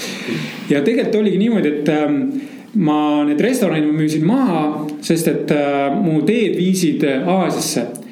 Et äh, kuna mind kutsuti konkreetselt ühte krüptoprojekti, mis oli siis norrakate tehtud projekt kus oligi vaja, et äh, sa tule siia projekti, ole selleks liidriks, kes hakkab nüüd maailmale tutvustama blockchain'i. mul on tõrn aimu blockchain'ist, et on vaja ära teha. siis ma ütlesin, noh jumala eest, kui kutsutakse, siis tuleb minna, eks ole. et küll ma siis õpin töö käigus, see on sama asi, kui ma läksin Pärnu jalatsi vabrikusse tööle. ei osanud vene keelt müüa, ma ei osanud osta asju, ma ei osanud mitte midagi teha, ma oskasin rääkida, ilusti riidesse panna. ja see ongi see koht, kus tuleb riskida, tuleb võtta see risk ja teha. okei okay,, ebaõnnestus, no so what, aga noh, sa saad vähemalt mingi kogemusegi. ja, ja ma ütlesin, okei okay,, küll ma õpin selle blockchain'i ka selgeks ja läksingi sellesse suurde Norra projekti ja tee viis mind Aasiasse ja kuna ma olin juba tööriistaga Aasia kultuuri ja tavadega tuttav, mul oli sinna lihtne tagasi minna. Hiina, kõik äh, muud riigid, põnev. ja tutvusin väga, väga palju ja nii ma sidusin ennast krüptovaluutaga, restoranis müüsin maha, mul oli kuussada Bitcoini, võib-olla natuke vähem seal. ja mõtlesin, et mul on vaja stardiks ka natuke raha, et reisida, et ma müün need Bitcoini maha, ära müü, ära müü, paari kuu pärast on hind hoopis teine. siis oli hind vist oli, ma ei mäleta, kas see oli äh, mõnikümmend dollarit või mis iganes ja kahe kuu pärast oli see hind üle tuhande dollari. kujutad ette, mul oleks olnud kuussada tuhat äh, dollarit piltlikult ma müüsin maha, siis ma arvasin, niikuinii see hind ei tõuse, kuhu kohta ta tõuseb, kes seda ostab, onju. kes seda virtuaalraha ikka tahab, eks ole. Ja müüsin need maha ja pärast ma, eks ma loomulikult kirusin ja ma ei julgenud seda lugu kellelegi rääkida, mul oli nii palju Bitcoini ja ma läks müüsin maha paarikümne dollari eest. aga ei, see on äh, põnev meenutada ja, ja nii ma siis alustasin selle ühe Norra projekti, krüptoprojektiga ja ja, ja nii ma teenisin raha Aasia ja, ja mul praegusel elukaaslasel oli ka meediaagentuur Hispaanias, siis äh, siis äh, põhimõtteliselt elasimegi pool aastast Eestis, pool aastat Hispaanias. ja see, ma sukeldusin sinna meediamaailma, tegime seda meediakanalit, siiamaani töötab, ta on üks edukam meediakanal Hispaanias üldse, viisteist aastat ja, ja nii see läbi meedia, läbi ürituste, läbi kontaktide, see community mul kasvas nii suureks, et äh, ma olengi täna jõudnud äh, siia, kus ma täna olen, et läbi kontaktide, kontaktide, tegevuse, riski võtmise, kannatlikkuse, suhtlemise äh, olen ma jõudnud siis siiamaani, kus ma täna juhin ütleme viite globaalset ettevõtet, mitte mm. Eesti ettevõtet, ehk mul on täna siis äh, rahvusvaheline meediakanal. mul on äh, rahvusvaheline äh, ühisrahastusplatvorm leiutajate jaoks, Arcalia. mul on rahvusvaheline valuuta, see on krüptovaluuta, eks ole. mul on rahvusvaheline kogukond, kus me siis ehitame maailma suurimat õnnelike inimeste kogukonda ja mul on äh, rahvusvaheline, mul on tootmine, mul on tehas Manilas, minu enda tehas, mis siis toodab äh, tervislikku magusainet, golden steviat, see on stevia põhine. ehk siis ma kuulutasin sõjaga suhkrule, ehk siis äh, mul on, ma olengi täna jõudnud siia, kus ma täna olen tänu sellele, et ma olen julgenud võtta riske ja ma ei karda tegutseda. et see on nagu see sihuke sissejuhatus, suhteliselt väike väga, väga, väga rets, selles mõttes, et nagu infot on nii palju, ma, mul tekkis tegelikult juba nii palju hästi palju selliseid äh, äratundmisi mingil määral ja, ja minu, noh, mina, mina ennast sinuga kindlasti võrrelda ei saa, aga just need elukogemuslikud äratunnetused, et kasvõi see, kui sa rääkisid noorena, et sa pidid kõndima kakskümmend, kakskümmend kilti päevas, et äh, teha oma samm ära kooli ja trenni, onju. meil siin mõned inimesed ei suuda minna ka sada meetrit äh, jõusaali, mis on maja kõrval, onju, et täielikult distsipliini, tahte ja puudulikkus ma segangi vahele, see ongi niimoodi, et mul praegusel elukaaslasel on ähm, kaks last, noh, ma kasvatan neid, kõik on nagu no, minu lapsed. aga neil on ka, et me kolisime sellepärast äh, vanalinna võimalikult lähedale koolile, et lapsed ei peaks trammiga sõitma või võimalikult palju ei peaks jala käima. et me elame Inglise kolledži väga lähedal, et lapsed käivad kakssada meetrit jala kooli ja vahest ma naeran, et, et äh, mul elukaaslasel poiss isegi vahet kasutas trammi ühe peatuse sõiduks, et siis ma naersin, et kuule, see ei ole küll normaalne oi jah. mega inspireeriv. see Bitcoini jutt nagu pani nagu, paneb nagu muigama sellepärast, et ma mäletan, kui mulle, kui Bitcoin tuli, siis mulle räägiti ka, et tule osta krüptovaluutat ja see on üliodav ja ma ei mäleta, mis hind oli, aga ma mäletan ka, et see oli nagu väga nagu sihuke asi, et noh, et nüüd tuleb kohe panna, et see plahvatab ja ma ei ostnud ja ma just tegin siin kiire arvutusega, kui seal oligi sul kuussada münti onju, et siis äh, eelmise aasta lõpus oli ju hind kakskümmend tuhat peale, et seal oleks olnud võrdväärne kaheteist miljoniga, täitsa müstika tegelikult. noh, kahetseda tõesti nagu üldsegi ei ole midagi, et äh, me alati ei tea kõiki asju ette ja ja nii paraku on, aga täitsa müstika, kuhu tegelikult see maailm liikunud on, millised on tegelikult võimalused tänapäeval. aga tahtsin midagi öelda, Martin. Ja ma tahtsingi öelda, et mega, mega inspireeriv nagu just kuulata seda, et kust sa oled tulnud, mis, mis läbi kadalippude sa oled läinud ja kuhu see on nagu välja toonud, et ma just vaatasin sa neid küsimusi ja kuidas sa tegelikult, ma ei pidanudki küsima, kuidas sa järjest ise vastasid nagu perfektselt nendele küsimustele ja väga, väga, väga äge, et jah mind see paneks võib-olla kuulajatele ikkagi tegelikult suunaks natuke korra, korra põgusalt selle kannatlikkuse teema peale, et sinu elus on see väga tugevalt äh, näha olnud ja, ja me ise, ise nagu Martiniga nüüd näeme ka tegelikult, et mida vanemaks me saame, seda rohkem hakkame mõistma tegelikult, asjad võtavad aega ja tulebki aega anda, et sa ei saa üleöö miljonäriks, mis ei kunagi välistatud, aga noh, ütleme. kui võtta siin rahaline number näiteks on ju, siis nagu see on küll võimalik, aga üldiselt nii ei juhtu, on ju, et äh, mis sa arvad, kuidas, kuidas võib-olla mingi soovitus ja kuidas nagu seda parandada, mis, mis oleks see, mis aitaks tänasel noorel siin ütleme seitsmeteist, kaheksateist aastasel nüüd hakata kohe rakendama kannatlikkust niimoodi, et see töötaks? no eh, sellist eh, head rohtu ei olegi, et kõigil edukatel ärimeestel on oma valem. Eh, aga minul on põhimõtteliselt sihuke vene ajast vene kooli sihuke rusikareegel ma tean, et inimestel ei meeldi, väga paljudele ei meeldi see, aga fakt on see, sea endale konkreetne eesmärk. mõtle see eesmärk kümme korda läbi ja kui see eesmärk on sul nii kindel, et ühtegi pisidetaili ei häiri ka enam sul seda eesmärki, et no äkki sa mõtled sellest äh, eesmärgist, kuhu või visioonist, kuhu sa tahad jõuda, aga ikkagi, et no äkki ma prooviks kõrval veel seda, siis seda, äkki siis see aitab kiiremini selle eesmärgi minna. ei, see peab olema sul täiesti selge mm -hmm., vot seda ma tahan see on see, mis süda ütleb, et seda peangi tegema ja mind absoluutselt ei koti, mis kõrval toimub, mind ei huvita, mis selja taha jääb. ma lähen läbi seinte, ma saavutan selle, isegi kui ma pean vahepeal sööma ainult kuu aega kaerahelbeid ja mul pole mitte midagi muud poest osta. vot kui sa oled selleks valmis, siis lihtsalt tegutse, uskuge mind, need, need äh, lahendused tulevad sul iseenesest esimesed sammud on ülirasked, ükspuha, kas sulle meeldib seda asja teha või ei meeldi, ükspuha, kuhu sa lähed äri tegema, isegi palgatööle. Need esimesed sammud on igal pool kõige raskemad. aga saa nendest üle ja siis läheb kõik juba iseenesest, sa näed, et need signaalid, märgid, inimesed hakkavad sinu teele tulema iseenesest lihtsalt. elu on niimoodi, et elu on energia. võta või jäta, elu on energia ja energia tunneb ära kas sa oled selle energia pannud sada protsenti sellesse asjasse või ei ole. kui sa ei ole, siis need toetavad energiat ei aita sind.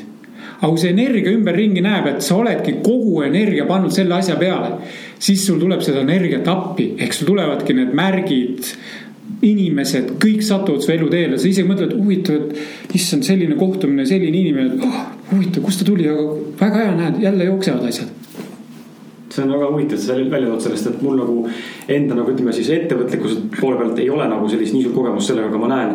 kui ma seitse aastat tagasi alustasin ka sellise vaimsema raja peal käimist, siis ma nägin, kuidas kõik see nagu elu nagu viis kronoloogiliselt inimesteni, loenguteni, raamatuteni, informatsioonini.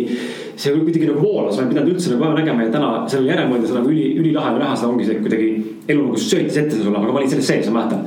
ja nad ütlesidki, et noh, ma olingi selles nii sees, et mul siit kohe tekkis kohe küsimus, et äh, samamoodi, minul on samamoodi, mul ei ole ettevõt-, ettevõtlusega nii palju kogemust. aga samamoodi kaheksateist aastaselt äh, hakkas tasapisi sinna spirituaalsele rajale elu minema, eks ju. üks asi viis teiseni, samamoodi hakkas nagu kõik rulluma lahti.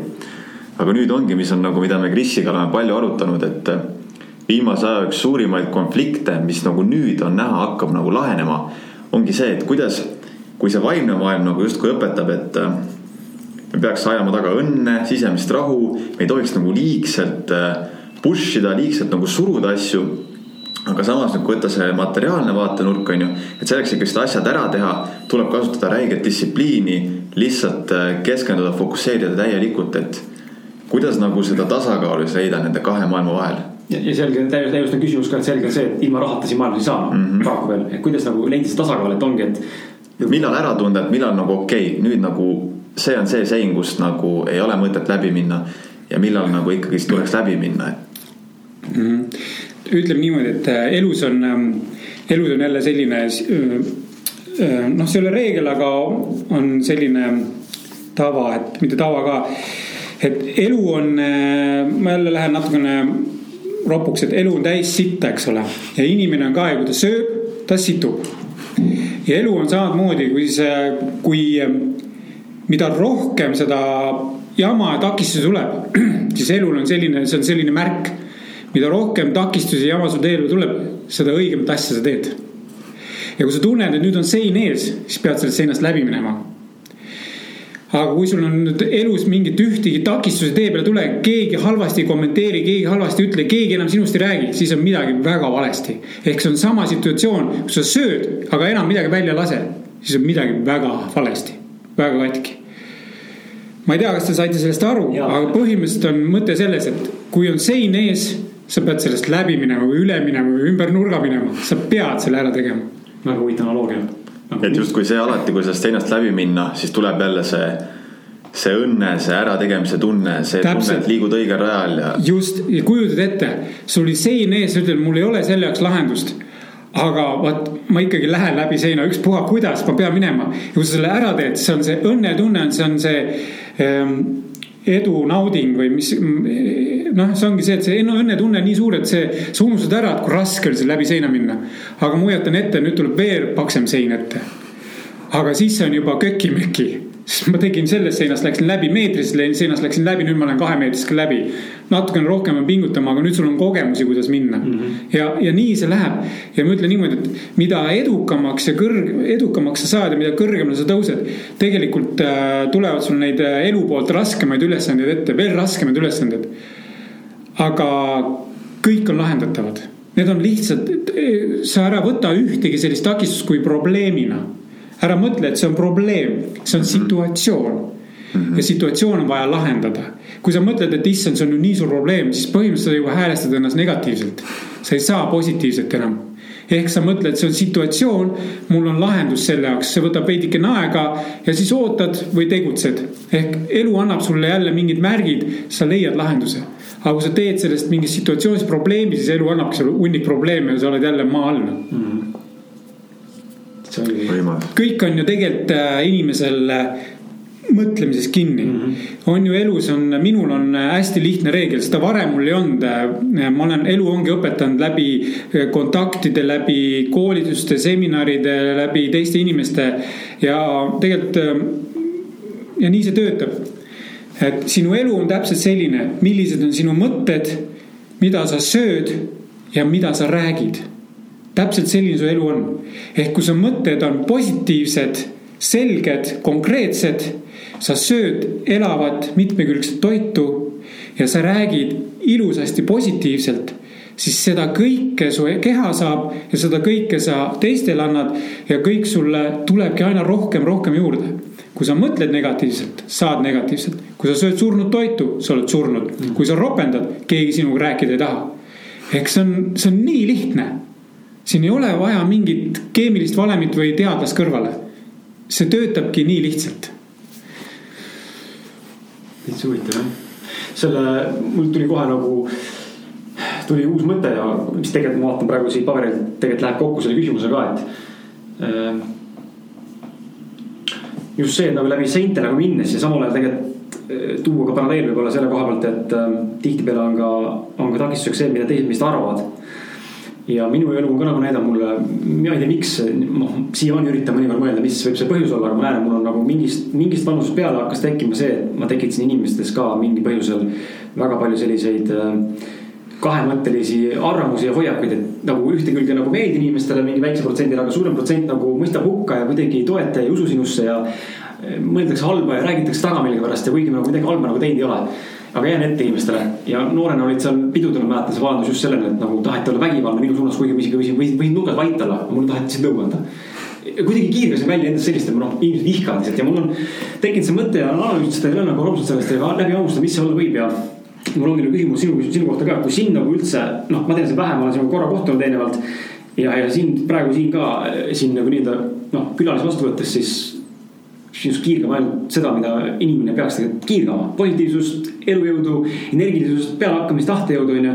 aga miks on niimoodi, et äh, kui näiteks vaadata kasvõi seda otsingumootorit või Google'it onju, siis inimesed mingi põhjusel, noh, noh, me meedia, kõik teame, mis meedia on, meedia teeb seda, mis tahab, onju, aga just see, et miks on nii palju vastukaja selles mõttes selle vastu, kes sa tegelikult inimesena oled, kust see tulnud võib-olla on, on või miks, miks see nagu on niimoodi, et kust see hoiak tekib inimestes sinu suhtes või üldse mm -hmm. inimeste suhtes mm? -hmm väga hea küsimus, ma korra juba vahepeal sellele vastasin ka, et, et tegelikult ähm, äh, need inimesed, kes äh, teiste suhtes halvasti käituvad äh,.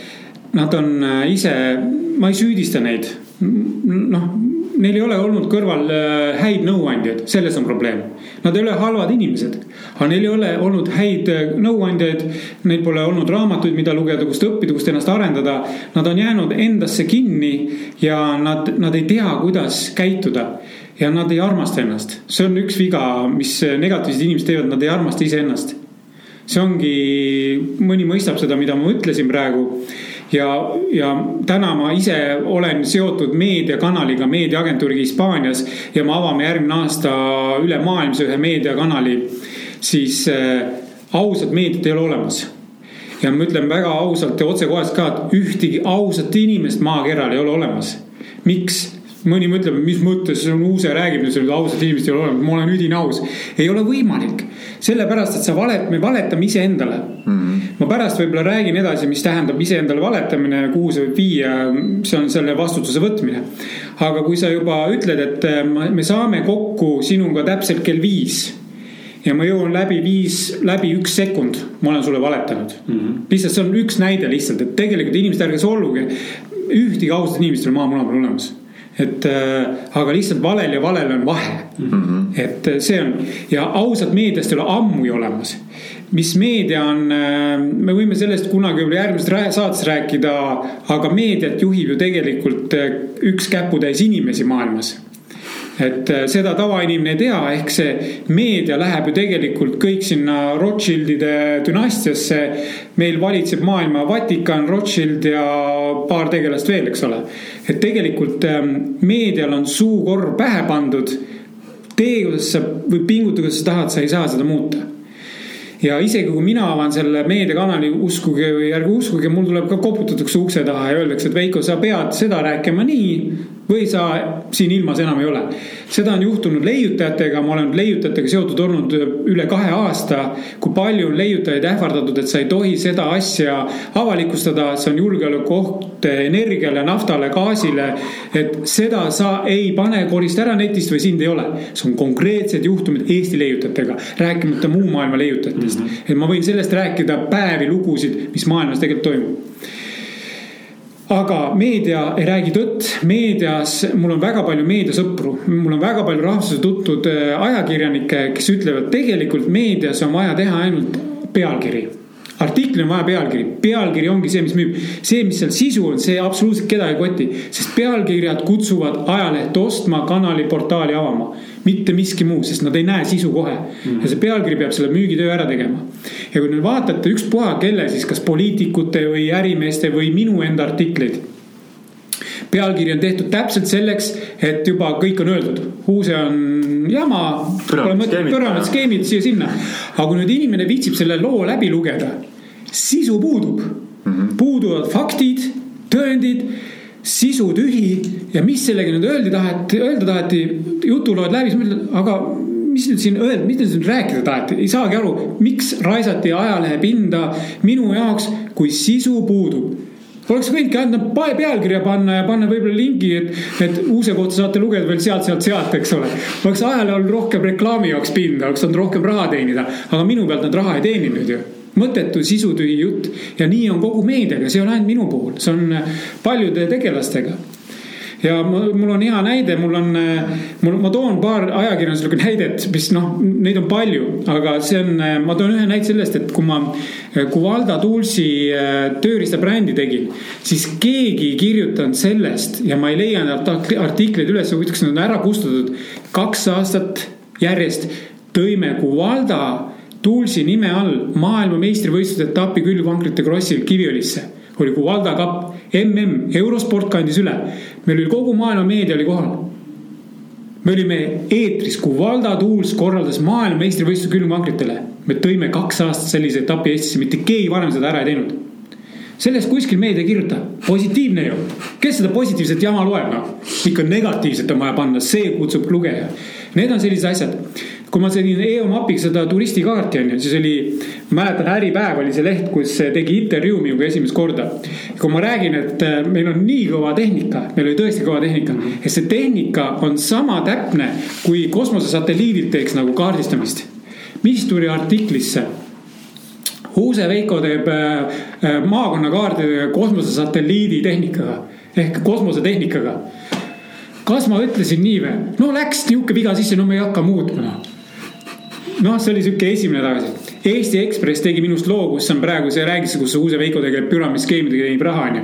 loomulikult mulle meeldis, ma olen alati otsekohene, konkreetne vend, ma ei, üldiselt mõni on mulle öelnud ka, et Uuse, sa räägid kõike, mis su sülg suhu toob aga so what, see on minu elu, eks ole, see ongi minu bränd. sulle meeldib minu bränd, ära tarbi mind. kui sulle mu bränd meeldib, teeme koos, lähme luurele, eks ole. ja ma räägingi otse, ausalt ja otsekoheselt, mida ma mõtlen. Eesti Ekspress tegi minust loo, kus räägiti uuse teine püramiidskeemi blablabla bla, bla, raha, eks ole. ma lindistasin selle loo telefoniga, ajakirjanik seda ei teadnud, sest kui ma oleks öelnud, ma arvan, nad oleks teistmoodi ennast häälestanud mm, -hmm. nad oleks teistmoodi küsinud. ma lindistasin selle loo ma ütlesin, et palun ärge ennem lehte pange, kui saadate mulle mustandi. nõus, saasin mustandi, mustand oli absoluutselt, ma ütlen niimoodi, ma ei paisuta üle, ütleme niimoodi tagasihoidlikult, kuuskümmend protsenti jutt oli see hoopis teine. ei olnud see, millest me rääkisime. see jutt oli pööratud täiesti pea peale ja siis ma kirjutasin talle tagasi, ma ütlesin niimoodi, et kulla mees, et see jutt ei ole see, millest me rääkisime. on, on, täpselt nii rääkisime. et nii on, ma ütlesin, ei ole, ei ole, mul on lindistatud. Siis oli vaikus, siis samal päeval ei vastanudki rohkem. muidu tuli kohe vastus, siis tuli järgmine vastus. tee siis parandused. ma tegin parandused, kirjutasin selle jutu ümber, mis tegelikult meil oli ja siis ütles, aa, selge, tänan. ja siis, kui ta Ekspress välja, tuli täpselt see artikkel, mis oli mustand ehk ei olnud minu parandusi sees kas ma lähen nüüd Ekspressiga vaidlema või? mida ma vaidlen, see on minu aeg, minu raha, see on energia raiskamine, miks ma seda paska veel üles koogin, niikuinii oli seal kommentaatoritel leiba nii palju, et kõik andsid hagu, eks ole. jumala eest, keegi sai jälle päevakirja ja mõnus oli olla, et sai uused taga kiruda. normaalne, las ta olla et, et tegelikult see ja meedia nii töötabki, et see tohutu manipulatsioon, sõnade, koma ja punktikohtadega mängimine.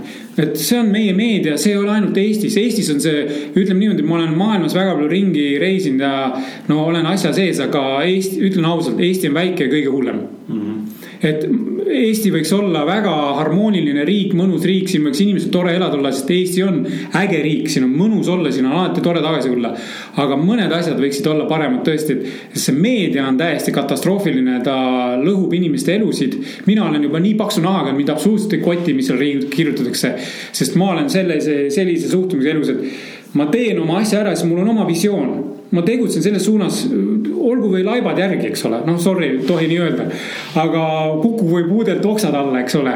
ma lähen, teen ja mind ei tohi, mind ei huvita, mis seal taga toimub mm, -hmm. mind absoluutselt ei huvita. et eh, see on minu, minu tegevus. aga huvitav, mul tekib kohe see küsimus, et kas kas meedia on selline sellepärast, et need käputäis inimesi, nii-öelda eliit on ju, kes kontrollivad äh, maailma nii-öelda kas nemad tahavad, et see oleks selline või tegelikult mass toitub negatiivsusest ja massiühiskond ise on loonud selle et justkui vastatakse, siis sellega antakse seda, mida massid nii-öelda nõuavad. ja see käputäis inimene tegi nagu selle eeltöö ära, pani lumepalli veerema ja, ja miks, miks meediaga, meedia on tuumarelva järel teine relv, mis tekitab kahju. ja meedia ongi selleks, et äh, tekitada inimestes hirmu Eh, tunnet eh, siis seda eh, hirmu, segadust, paanikat ja et inimesed ei tunneks ennast rahulikult, turvalisena. miks?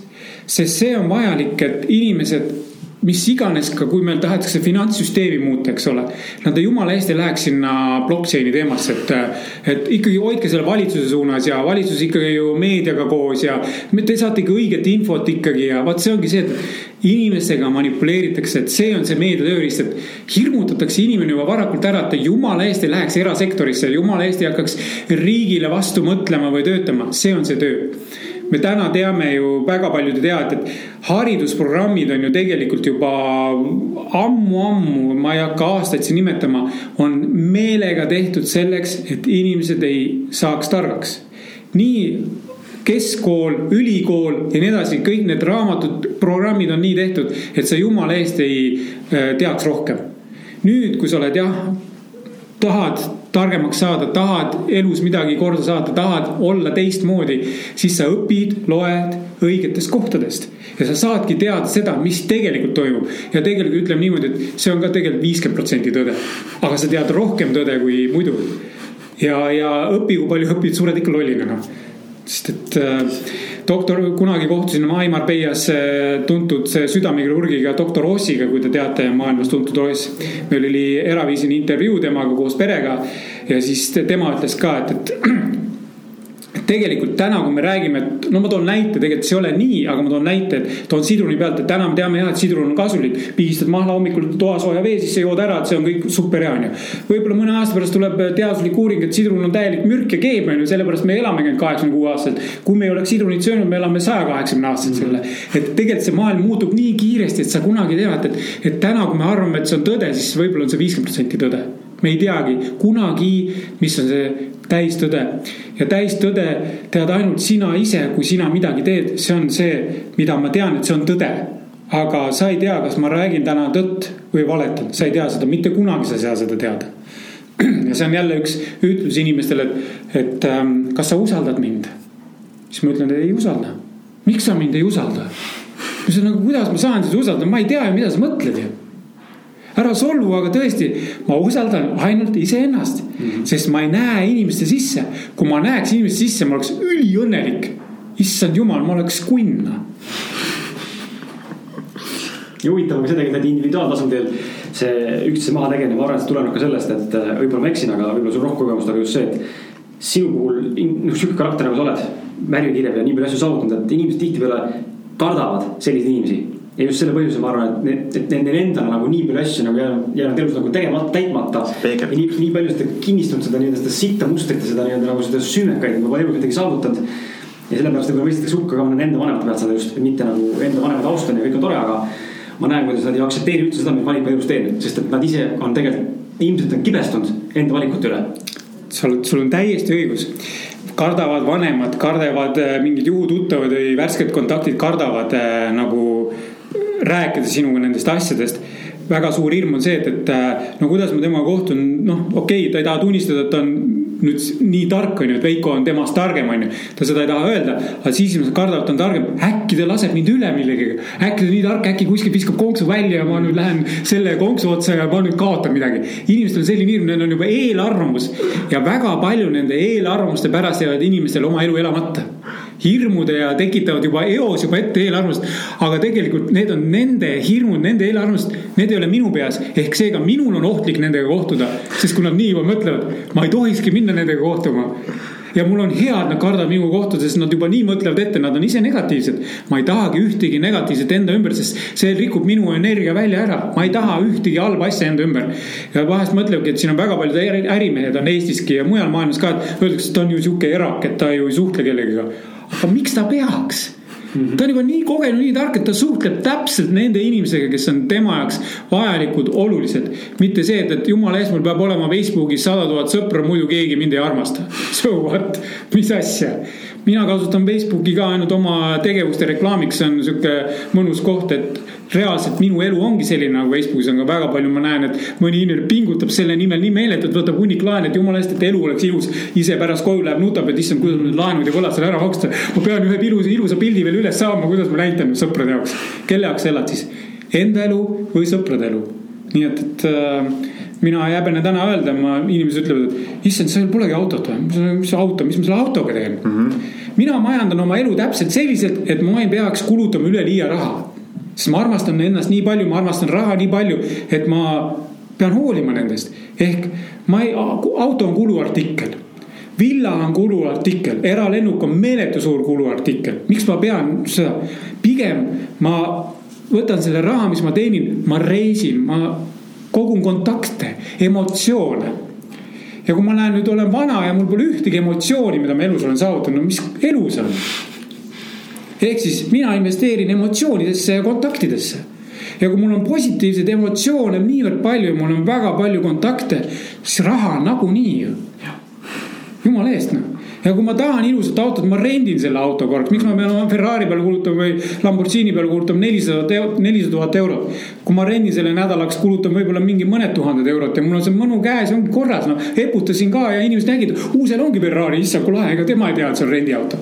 see on noh, lähed Marbeiasse, sa näed seda bling-bling elu, et inimesed viimase raha eest rendivad Ferrari ja, ja pruudi käest küsivad kütusest raha, et no ma pean ju sõitma ilusa autoga sealt Puerto Banusist läbi, kuidas ma näitan, et mind, mul ei ole midagi, onju. ma nägin oma silmaga tuus nägu ees on. ja täpselt, et tuleb veel muusika käib ka kõvasti, kuldkett on ka, see on ka poest renditud võib-olla korraks, et noh, et noh, olen ju tegija noh See... aga mis nimi, kes sa oled, kus sa oled, kes sa, kellega sa räägid. pigem on see, et mina tahan, et mind mäletatakse mind nime ja näo järgi, mitte auto järgi, et aa, Uus, jaa, see oli, Uus oli see, kes sõitis selle autoga ja, ja mm.. mina tahan et aa, Uus oli see, kes äh, sadat tuhandet inimest jalgpallistaadionil koolitas. ma tahan nii hoopis, mitte auto järgi noh see on ju Eestis ka väga palju võib näha, et tänavapilte vaadates nagu kõik sõidavad uhkete autodega, no ma ei usu, et kõigil nii hästi läheb, see on ju jälle see väljapoole elamine on ju, et sa võtad maksadki üle poole oma palgast, maksad, on ju, autoliisingut, korteri seda laenu, eks ju, noh. Jah, see on äh, Inglismaal on ju, mul on äh, väga hea sõber on seal kinnisvaraärimees, ütles niimoodi, et ega väga rikkad inimesed ostavad äärmisel juhul omale kinnisvara. Normaalne tark inimene, see üürib, rendib. Selles suhtes ei ole midagi halba, aga meil, me peame ehitama võlgadega, laenudega majad ostma luks, liisinguga autod, meil peab olema kõik luks, on ju, ja väga paljud inimesed mul siin, kes külas on käinud välismaalt, ütlevad eestlased, te olete hullud, no te, te elate üle võimete kelle jaoks, kelle jaoks te ehitasite mm. väike Eesti, noh. näitate siin, te väikeses külas piisab nädal aega näitamisest, kõik teavad, eks ole, polegi rohkem vaja. aga kui sa riigist välja lähed, kes sa oled siis? Et väljaspool riiki keegi ei tea, et sul on ilus maja või ilus auto, see on unustatud, korra nägi, lõi käe pihku, käis õhtusöögil. aa, sul oli, ma ei mäletagi, et sul oli see ilus auto, no. aga kui sa räägid tarka juttu ja käid temaga välismaal ja esined ja annad inimestele midagi, midagi tarka, annad see, ära endast. see on inimestele, mis vaja on, mitte see, et mis see, mis see ilus auto, see annab mingit õpetust, noh. jah, väga huvitav jah aga, aga, aga lähme siin äh, saatega selle juurde, et äh, sinu Honestum Est äh, ja Arcalia projektid, et äkki sa tahad jagada natuke rohkem sellest infot, et mis need on, millega sa praegu tegeled, kuna ta on ikkagi krüptoga seotud, see krüptomaailm on tegelikult noh mind ja Martinit ka endasse täiesti imenud siin viimasel ajal ja see on ilmselgelt on see tulevik, see plokiahel on vallutamas igat sektorit, mul selline tunne, lihtsustab elusid väga palju, ma näen siin, kuidas isegi siin noh, mul telefonis siin sõber Ander on meil ühine sõber sinuga Veiko, tema jagas mulle ka siin ühte äppi, kus on siis põhimõtteliselt kõndimise eest makstakse sulle münte onju.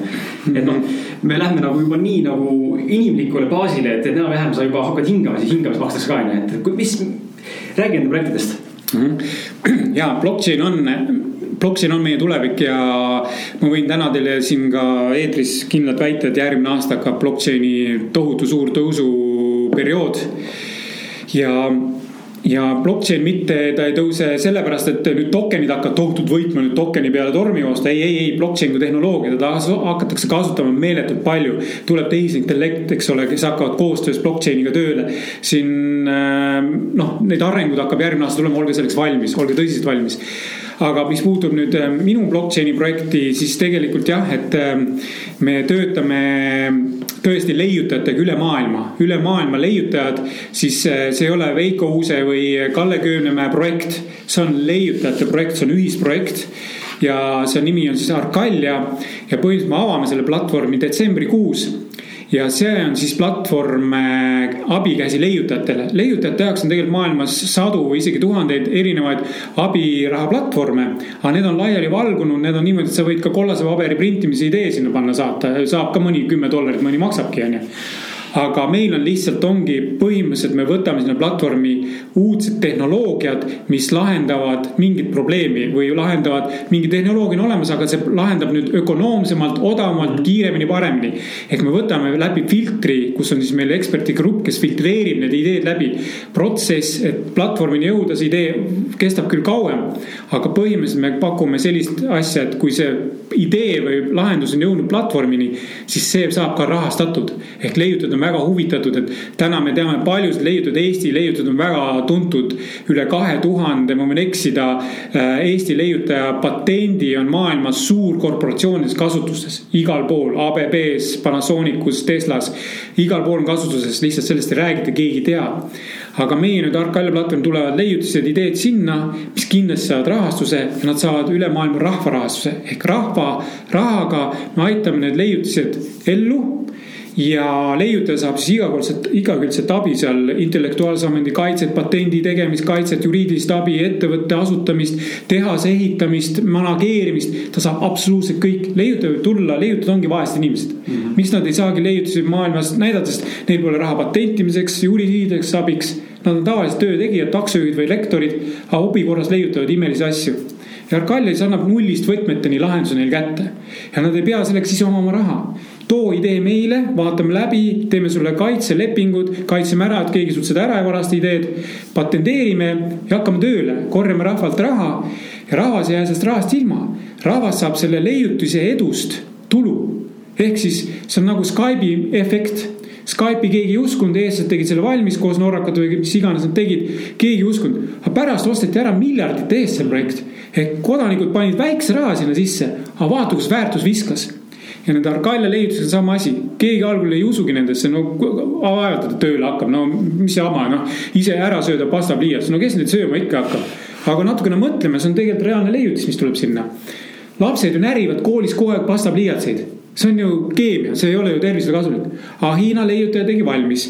Taimsetest asjadest pliiats, värvilised pliiatsid, pastakad, kõik värgid. see on ärik, aga söödki ära põhimõtteliselt paki või lõunatoiduks lapsele punt pliiatsid kaasa ja on kõht täis ja asjad ka kirjutatud noh.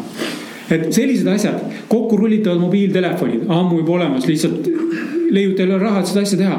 automootorid on olemas, mis võtavad CO2 õhust ja sõidavad, polegi vaja tankida, ainult sõida nii palju, kui rattad ja laagrid vastu peavad. valitsuse survel on see asi maha surutud, kes siis diislit ostab, bensu ostab sellised asjad tulevad. ja, ja rahvas saab selle edu, leiutise edust saavad oma tulu ja tulu on erinevaid seal, kas osalus kasumisest, patendiosalusest, nii edasi, need on meeletu kogus. ehk väikeinvestoril on kasulik sinna panna kasvõi viis dollarit, kümme dollarit või sada dollarit, kuidas ta ise tahab. ükspuha, mis summa, aga tal on võimalus sellest viiest dollarist, kui on Skype'i efekt leiutisel, tekitada kohe passiivne igakuine tulu kümme tuhat, kakskümmend tuhat, sada tuhat dollarit kuus. ja elu lõpuni lapsed võtavad ka selle pärandi üle. ehk see on see efekt, mis me loome. täna sellist maailmas ei ole, mis on leiutise tehnoloogia põhine, kus on filter vahel, kus tulevad ainult kuldmunad piltlikult tulevad platvormi. ja miks me kasutame blockchain'i ja krüptovaluutat seal sest et maailmas on täna veel kehtib üle saja erineva valuuta, erinevad riigid äh,. Indiast raha välja kanda ei saa, Aafrika riikidest tavaraha välja kanda ei saa, on piirangud, limiidid peal Süüriast, Iraanist, Iraagist. mida vaesem riik, seda leidlikumad inimesed seal on, seda rohkem leiutisi sealt tuleb me oleme sunnitud tegema sellise valuuta, kus ei ole limiite, kus ei ole juriidilisi piiranguid, et kõik saavad kasutada. kui sul on internet, siis sa saad vähemalt nüüd valuuta, millega sa saadki investeeringuid teha. ehk täna me oleme loonud sellepärast, et tavavaluuta liigutamine on väga kulukas, see omavahel vahetamine erinevatel valuutadel. ja need teenustasud pankadel ja üldse vahetusplatvormil on ülikallid. ehk meil läheb see liiga kalliks, aga leiutaja tahab saada võimalikult odavalt asja üles ehitada. ja investoritel on ka parem ju mitte kümne miljoni asemel panna sada miljonit, kuna raha, valuuta, raha kasutamine on liiga kulukas selleks lõimegi krüptovaluuta, see on Ethereum blockchain põhjal tehtud valuuta. Eesti coin on nimi. Ja, ja ongi, inimesed tahavad investeerida, nad saavad börsilt osta coin'i. saadavad selle leiutisse, leiutaja tahab ei saa igal pool coin'i kasutada, saab samamoodi börsil selle coin'i maha müüa ja võtta siis dollar või euro. ehk siis meil ongi sisemiseks kasutamiseks loodud eh, krüptovaluuta investorid saavad seda osta, leiutajad saavad müüa või saavad leiutajad selle krüptovaluuta eest osta teenuseid, kuna me teeme lepingu äh,, lepingut teenuste osutajatega, kes aktsepteerivad Eesti coin'i. ehitajad, juristibürood, reklaamiagentuurid saavad ostagi investorite antud coin'idest, leiutaja saab oma asja valmis teha või siis vahetada börsil ära. Eesti coin on vabalt börsil täna kaubeldav, nii et, et probleemi ei ole. ja, ja Hoonestumest on selle asja juures seotud nii palju, et Hoonestume S Community tegeleb siis Arcalia projekti propageerimisega üle maailma. ta räägib sellest Arcaliast, räägib sellest Eesti coin'ist, et, et selline asi on tulemas, sest kõige parem reklaam on suust suhu reklaam. ükski televisioon, televiisori või raadioreklaam või ajalreklaam ei anna emotsiooni edasi. Et mis on müügi puhul kõige tähtsam, emotsioon. Mm -hmm.. ükspuha, mida sa müüd, me müüme emotsiooni, usku, lootust et need on olulised asjad ja selles ma kasutangi äh, äh, nagu seda network marketing'i ehk MLM-i. et see on see, mis siis propageerib seda projekti ja, ja toob siis coin'ile kasutajaid, Eesti coin'ile kasutajaid üle maailma. ehk ähm, kui me räägime valuuta tagatisest, siis ähm, et ma naeran väga tihti, alguses ma ei naernud selle peale, nüüd ma naeran päris valjult, et äh, öeldakse, et eurol on kulla tagatis. et Ameerika dollaril ei ole mingit äh, tagatist aga missugust raha kasutatakse kõige rohkem täna maailmas? ikkagi dollarit, eks ole. miks? sest dollaril on kõige rohkem kasutajaid, rahvast. sa võid öelda, et sul on valuutal kuld tagatiseks, aga kuld ei ole mingi väärtusega, kui ei ole inimest seal taga mm. -hmm tagatis on inimene, mitte kuld ega platiinum ega teemant ega mingi muu tšegedi-mögedi. inimene on alati tagatiseks, me võime rääkida ükspuha, mis jura. ei ole kuld mingi tagatis, kui inimest ei ole kes selle kulla maasest välja võtab? inimene võtab välja. kui ei ole inimest, ei ole kulda. ehk seega valuuta on siis tugev, mida rohkem on kasutajaid ehk mida rohkem inimesi hoiavad seda valuutat käes see on kõige tähtsam ja loomulikult sellepärast ma ehitangi maailma suurimat õnnelike inimeste community't, et äh, ma tean, et me suudame Eesti coin'il luua suurema kasutaja kogukonna. ja me teame, et läbi Arcalia me suudame maailmale pakkuda uudseid kaasaegseid lahendusi, mis lahendavad ka nende community inimeste eluolud jäävad paremaks. ja mis sa veel tahad saada, kui sul on tugev valuuta käes, mille väärtus kasvab tänu leiutiste väärtuste kasvule kas sa siis ei ela õnnelikult või kui sul on olemas kõik lahendused nutitelefonid, luksautod, mis ei vaja kütust, kõik asjad on sul olemas ja sul on veel tugev valuuta käes ja sa saad teha, mis tahad, saad kaubelda, osta, müüa, vahetada teiste valuutade vastu. kas sa ei ole siis õnnelik, kui sul on kõik olemas ühest kohast mm, -hmm. Uuse Veiko projektidest, kes töötab leiutajatega, mitte minu aju ei ole siin taga. siin on üle saja tuhande leiutaja taga, kes aitavad know-how'ga kaasa, et meie see kompott oleks värske kogu aeg ja söödav, see ei lõpeks kunagi otsa see on leiutajate koostöö, mitte Veiko Uuse üksik projekt. ja teil on ka pundis viimaste uudiste järgi krüptomaailmas tuntud Henrik Vonšilja. Äh, just, Henrik Vonšiliga sain ma tuttavaks ähm, Moldovas kus ta korraldas Moldova valitsusele blockchain'i koolitust. see oli kinnine koolitus tegelikult, aga kuna mul Moldova valitsuses on üks sõber seal nõunik, siis tema kutsus mind. ütles, et tule kuulama, et ta saab mu sinna kuidagi sisse. Moldova värk, natukene arengus maha jäänud, seal käis kõik nii-naa ja ma saingi sinna minna ja mulle meeldis Henrik von Schiele esinemine ja ma ütlengi, et elus ei ole mitte midagi juhuslikku, kõik on ja inimeste et äh, energiast võib-olla täna jõua rääkida, aga energia liidab, energia lahutab. ja, ja see oli see, et, et ma läksin Hendrik von Schiele juurde, lihtsalt tahtsin öelda peale esimest, et äh, mulle su esineja nii meeldis, nii inspireeris. ma tahan lihtsalt teha sinuga selfit, kas ma võin teha selfie? ja, ja ja ma tegin, läksin lihtsalt selle sooviga, et saada selfie, aga sellest selfist sündis nii tugev koostöö. et äh, Hendrik lihtsalt, see on see energiate värk. ja, ja ta tundis ka ära minus, et noh, sa tunned, et ma õhkan siin ruumis, eks ole. ja ta tundis ka ära, et kuule, et kuule, kas sul on pärast aega, Hendrik ütleb, et me võiksime nagu kohtuda, rääkida võib-olla, et, et kuule see tundub nagu kuidagi huvitav, et tal pole keegi tulnud niimoodi varuks kinni, et kuule, et su jutt oli nii inspireeriv, et kas ma võin nüüd teha selfie, et taas öeldakse, et kuule, et see jutt oli nii inspireeriv, et kuule, mis mees sa veel oled, kuule, tahaks, teeks äkki sinuga seda äri, seda äri, seda äri, seda äri. aga sa tulid lihtsalt juurde, et kuule, kas ma võin selfie teha, aga mul oli ka ülikond seljas, ma olin ikka üles löödud korralikult, ma ei lähe kunagi kuskile kohtumisele teiste riietega, ma ikka löön ennast üles, sest ma austan teist poolt mm. -hmm. sest ma lähen nagu pittu temaga, et see on oluline hetk minu jaoks, mis siis, et ta on isegi kassapidaja. aga ma lähen korrektselt, sest mul on temaga kohtumine ehk date, äridate või niisama date mm. -hmm Hendrikule meeldis, kuule, et sa oleks nagu minister siin, sa oled kõige kõvemini riides siin, et isegi ministritel ei ole lipsu kaelas ja on kuradi riik, särk on kortsus veel, riiki matta pintsaku all, et kuule, sa oled nagu kunn siin. et ma tahan sinuga rääkida ja rääkisime ja, ja ma tahangi praegu siin, ma ei tea, kui palju meil aega on, aga üldiselt niimoodi, et me, Hendrik on tõesti maailmas number üks koolitaja, ta on koolitanud ja annab nõu Google'ile, Amazonile, IKEA-le, suurtele pankadele, valitsustele. täna ta on hetkel Kuveidis valitsust nõustamas blockchain'i teemal. ta on tõesti tipptegija ja ta tuli Arkaljasse eksperdiks ehk ta on ka Arkaljaga seotud ehk ta nägi Arkaljas seda blockchain'i äh, ühisrahastust, leiutist, leiundusi, innovatsiooni ja seda MLM-i. ta nägi seda kompotti imelisena tööriistana, ütles, et see töötab imeliselt hästi. ehk meil on tegelikult tavaraha crowdfunding, meil on krüptoraha crowdfunding. meil on community eraldi hoonestum Eestis, kes jagab seda reklaami. Arkaljas tuleb eraldi community väikeinvestorite näol, kes on nagu crowdfunding community mm. -hmm. ehk see sünergia on nii tugev, need asjad, instrumendid töötavad imehästi. ja Henrik Vonšilile me paneme ka tehisintellekti sinna Arkaljasse tööle seda statistika poolt tegema et see on äge, mis toimub ja ta oli kohe nõus eksperdiks hakkama, aitama kaasa meil. ja ta oli ka Manilas meil selle Arkalia Honest Eesti avalöögil oli üks peaesineja tema hind on mega kallis, kui ta niisama tellida, aga ta tuli kui minu sõbrana juba sinna lihtsalt tegi fantastilise koolituse päeva seal mitmed tunnid inimestele.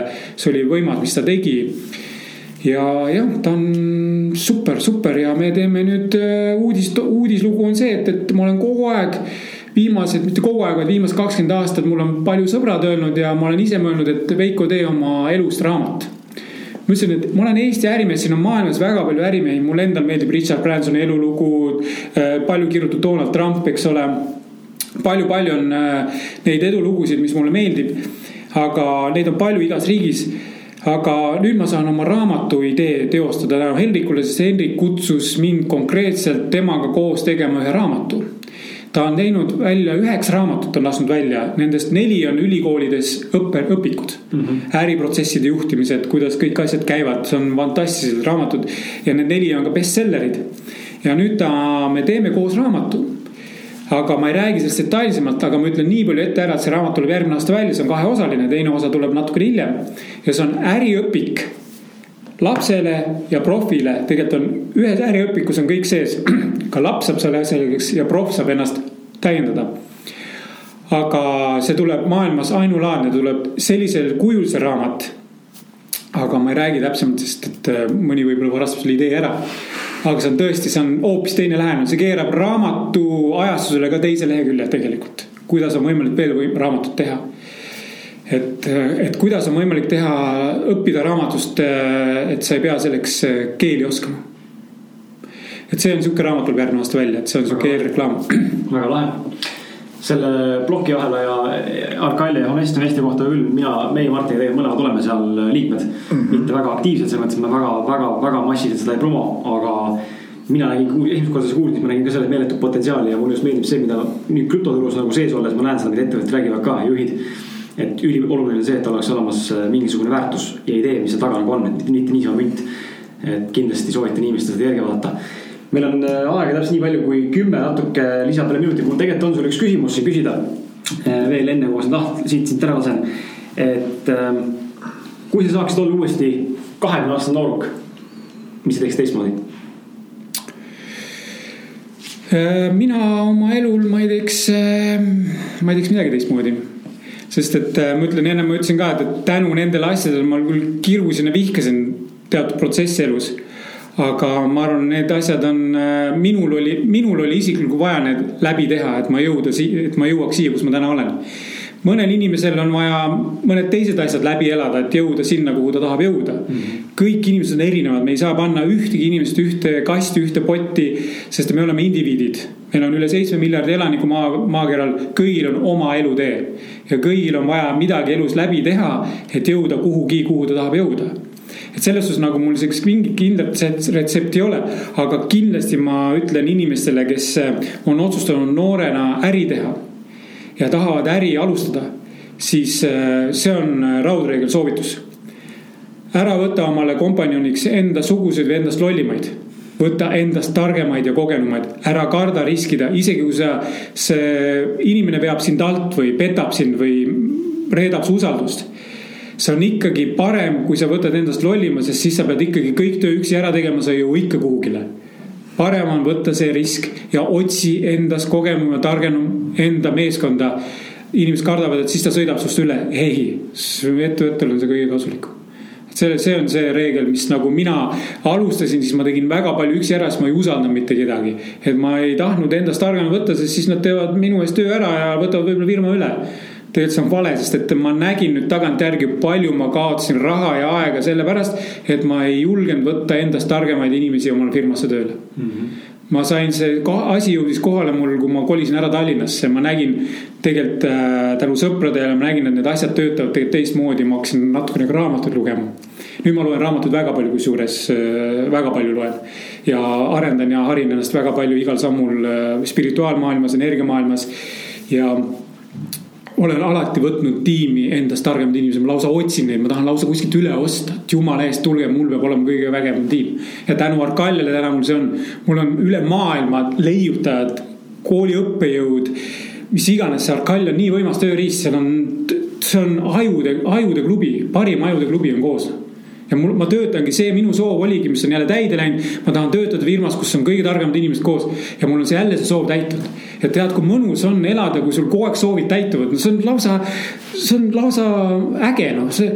mõtled küll, et võiks olla mingi, ka mingi noh, et keegi võiks mind süles tassida tööle koju, et üle lahe aga ma ei taha seda soovida, äkki lähebki täide, noh mm -hmm. siis ma võtan kaalus juurde ja siis on kõik muud hädad, noh väga lahe, paneme saate lõppu kindlasti ka äkki, Veiko on nii hea, tänab meile äkki saate lõpuks ma panen siis äh, kirjalikult sinna alla. sellesse kirjeldusse saate Soundcloudis lugeda, paneme kolm või siis mõned raamatusoovitused, mida Veiko soovitab lugeda ka. ja, et äh, räägi Veiko, mis on sinu jaoks äh, edu võti ja äh, edu saladus. kas edu ja õnn käivad käsikäes? et äh, räägi sellest vähem. ja see on väga hea küsimus ja ja enne ma mainisin ka, et kõigil on oma elutee ja edu valem on ka kõigil erinev. minu jaoks on äh, kaks seletust edureeglitele, üks on lühem variant, teine on väike, vähe pikem variant. ja lihtne on, lihtne on see, et sa ehitad oma brändi ja kuidas sa oma brändi väärtustad ja hindad, kuidas sa seda esitled ja müüd. ehk sinu edu hakkab sinust endast ja ei ole vahet, mida sa müüd või teed, sa pead ennast maha müüma ja tekitama usalduse. see on nagu kõige tähtsam asi, ehk see ongi see, miks ma rääkisin, et, et kui sul on oluline kohtumine, isegi kui vähem oluline, et äh, austa teist poolt ja mine ilusti riides et äh, isegi kui sa lähed meesterahvaga kohtuma ärijuttu ajama, siis löö ikka ennast ülesse. huulis ei hakka värvima, aga mine ikkagi äh, juuksed kammitud, ülikond seljas. isegi kui sulle meeldis ülikonda kanda, usku mind, pool tööd teeb ära juba sinu välimus hmm.. teise osa teeb ära sinu jutt, vahet pole, kas sa müüd Mercedest või hambapastat. aga riietus ja sinu emotsioon, mida sa pakud teeb selle töö ära, siis sa müüd ka isegi selle musta hunniku maha, mis on kuskil loomast maha tulnud. kui sa oled niimoodi, sa müüd ka selle maha.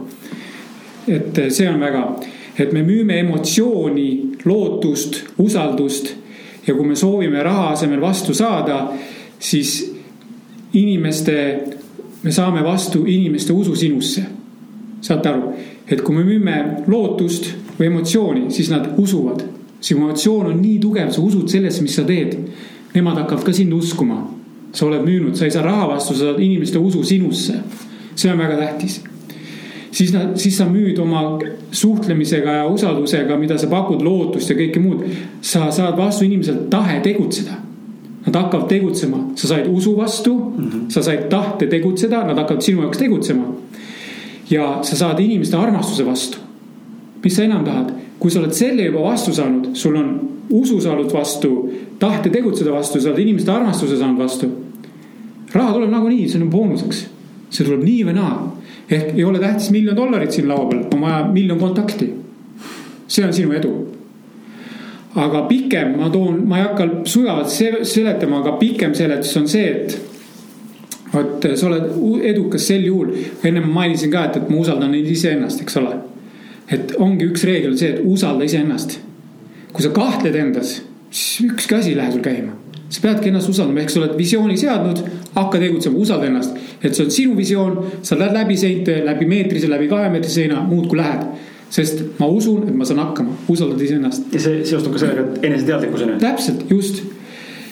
siis riku reegleid. naljakas on ju, riku reegleid, ära riku seadust, riku reegleid mm. -hmm. ehk ära pane ennast raamidesse riku kõiki reegleid, sõber ütleb, et kuule, ei, see ei toimi, see, mis asja sa räägid, mis nalja teed või? kui ma seadust ei riku, siis mind ei huvita, ma ei pane ennast raamidesse, piiridesse, mul ei ole limiite, ma tegutsen. riku kõiki reegleid, nii palju kui võimalik, kõiki reegleid riku, sest sa teed enda asja ja täpselt nii, nagu sina oskad. kui sa midagi alustad, ära karda ebaõnnestuda sa teed äriplaani, mõtle välja plaan B, plaan C, plaan KLM-NOP, mis iganes ära karda ebaõnnestuda, sa alustad midagi, siis mõtle selle, et see võib ka ebaõnnestuda, siis mõtle välja, kui see ebaõnnestub, siis ma teen seda. siis ma teen, siis ma õpin vigadest, ma teen teistmoodi, aga ära karda kaotada. ja mõtle alati niimoodi, et see ei ole ebaõnnestumine, see on lihtsalt halb situatsioon igale situatsioonile on lahendus -hmm. sa mõtled välja selle lahenduse. kui need sõbrad ja partnerid sind ei aidanud ja ebaõnnestusite koos ehk halb situatsioon tekkis, vaheta keegi välja, ära karda vahetada, ära karda riskida, võta uued inimesed, targemad ajud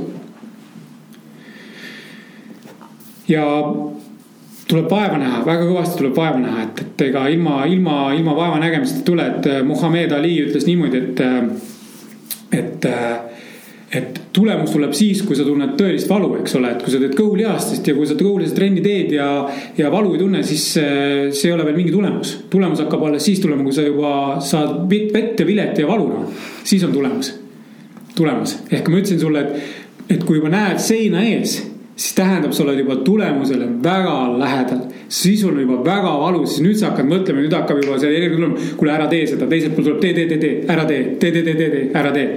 ja nüüd on see valukoht. aga nüüd tuleb valu ära kannatada, minna edasi ja nüüd on tulemus käes.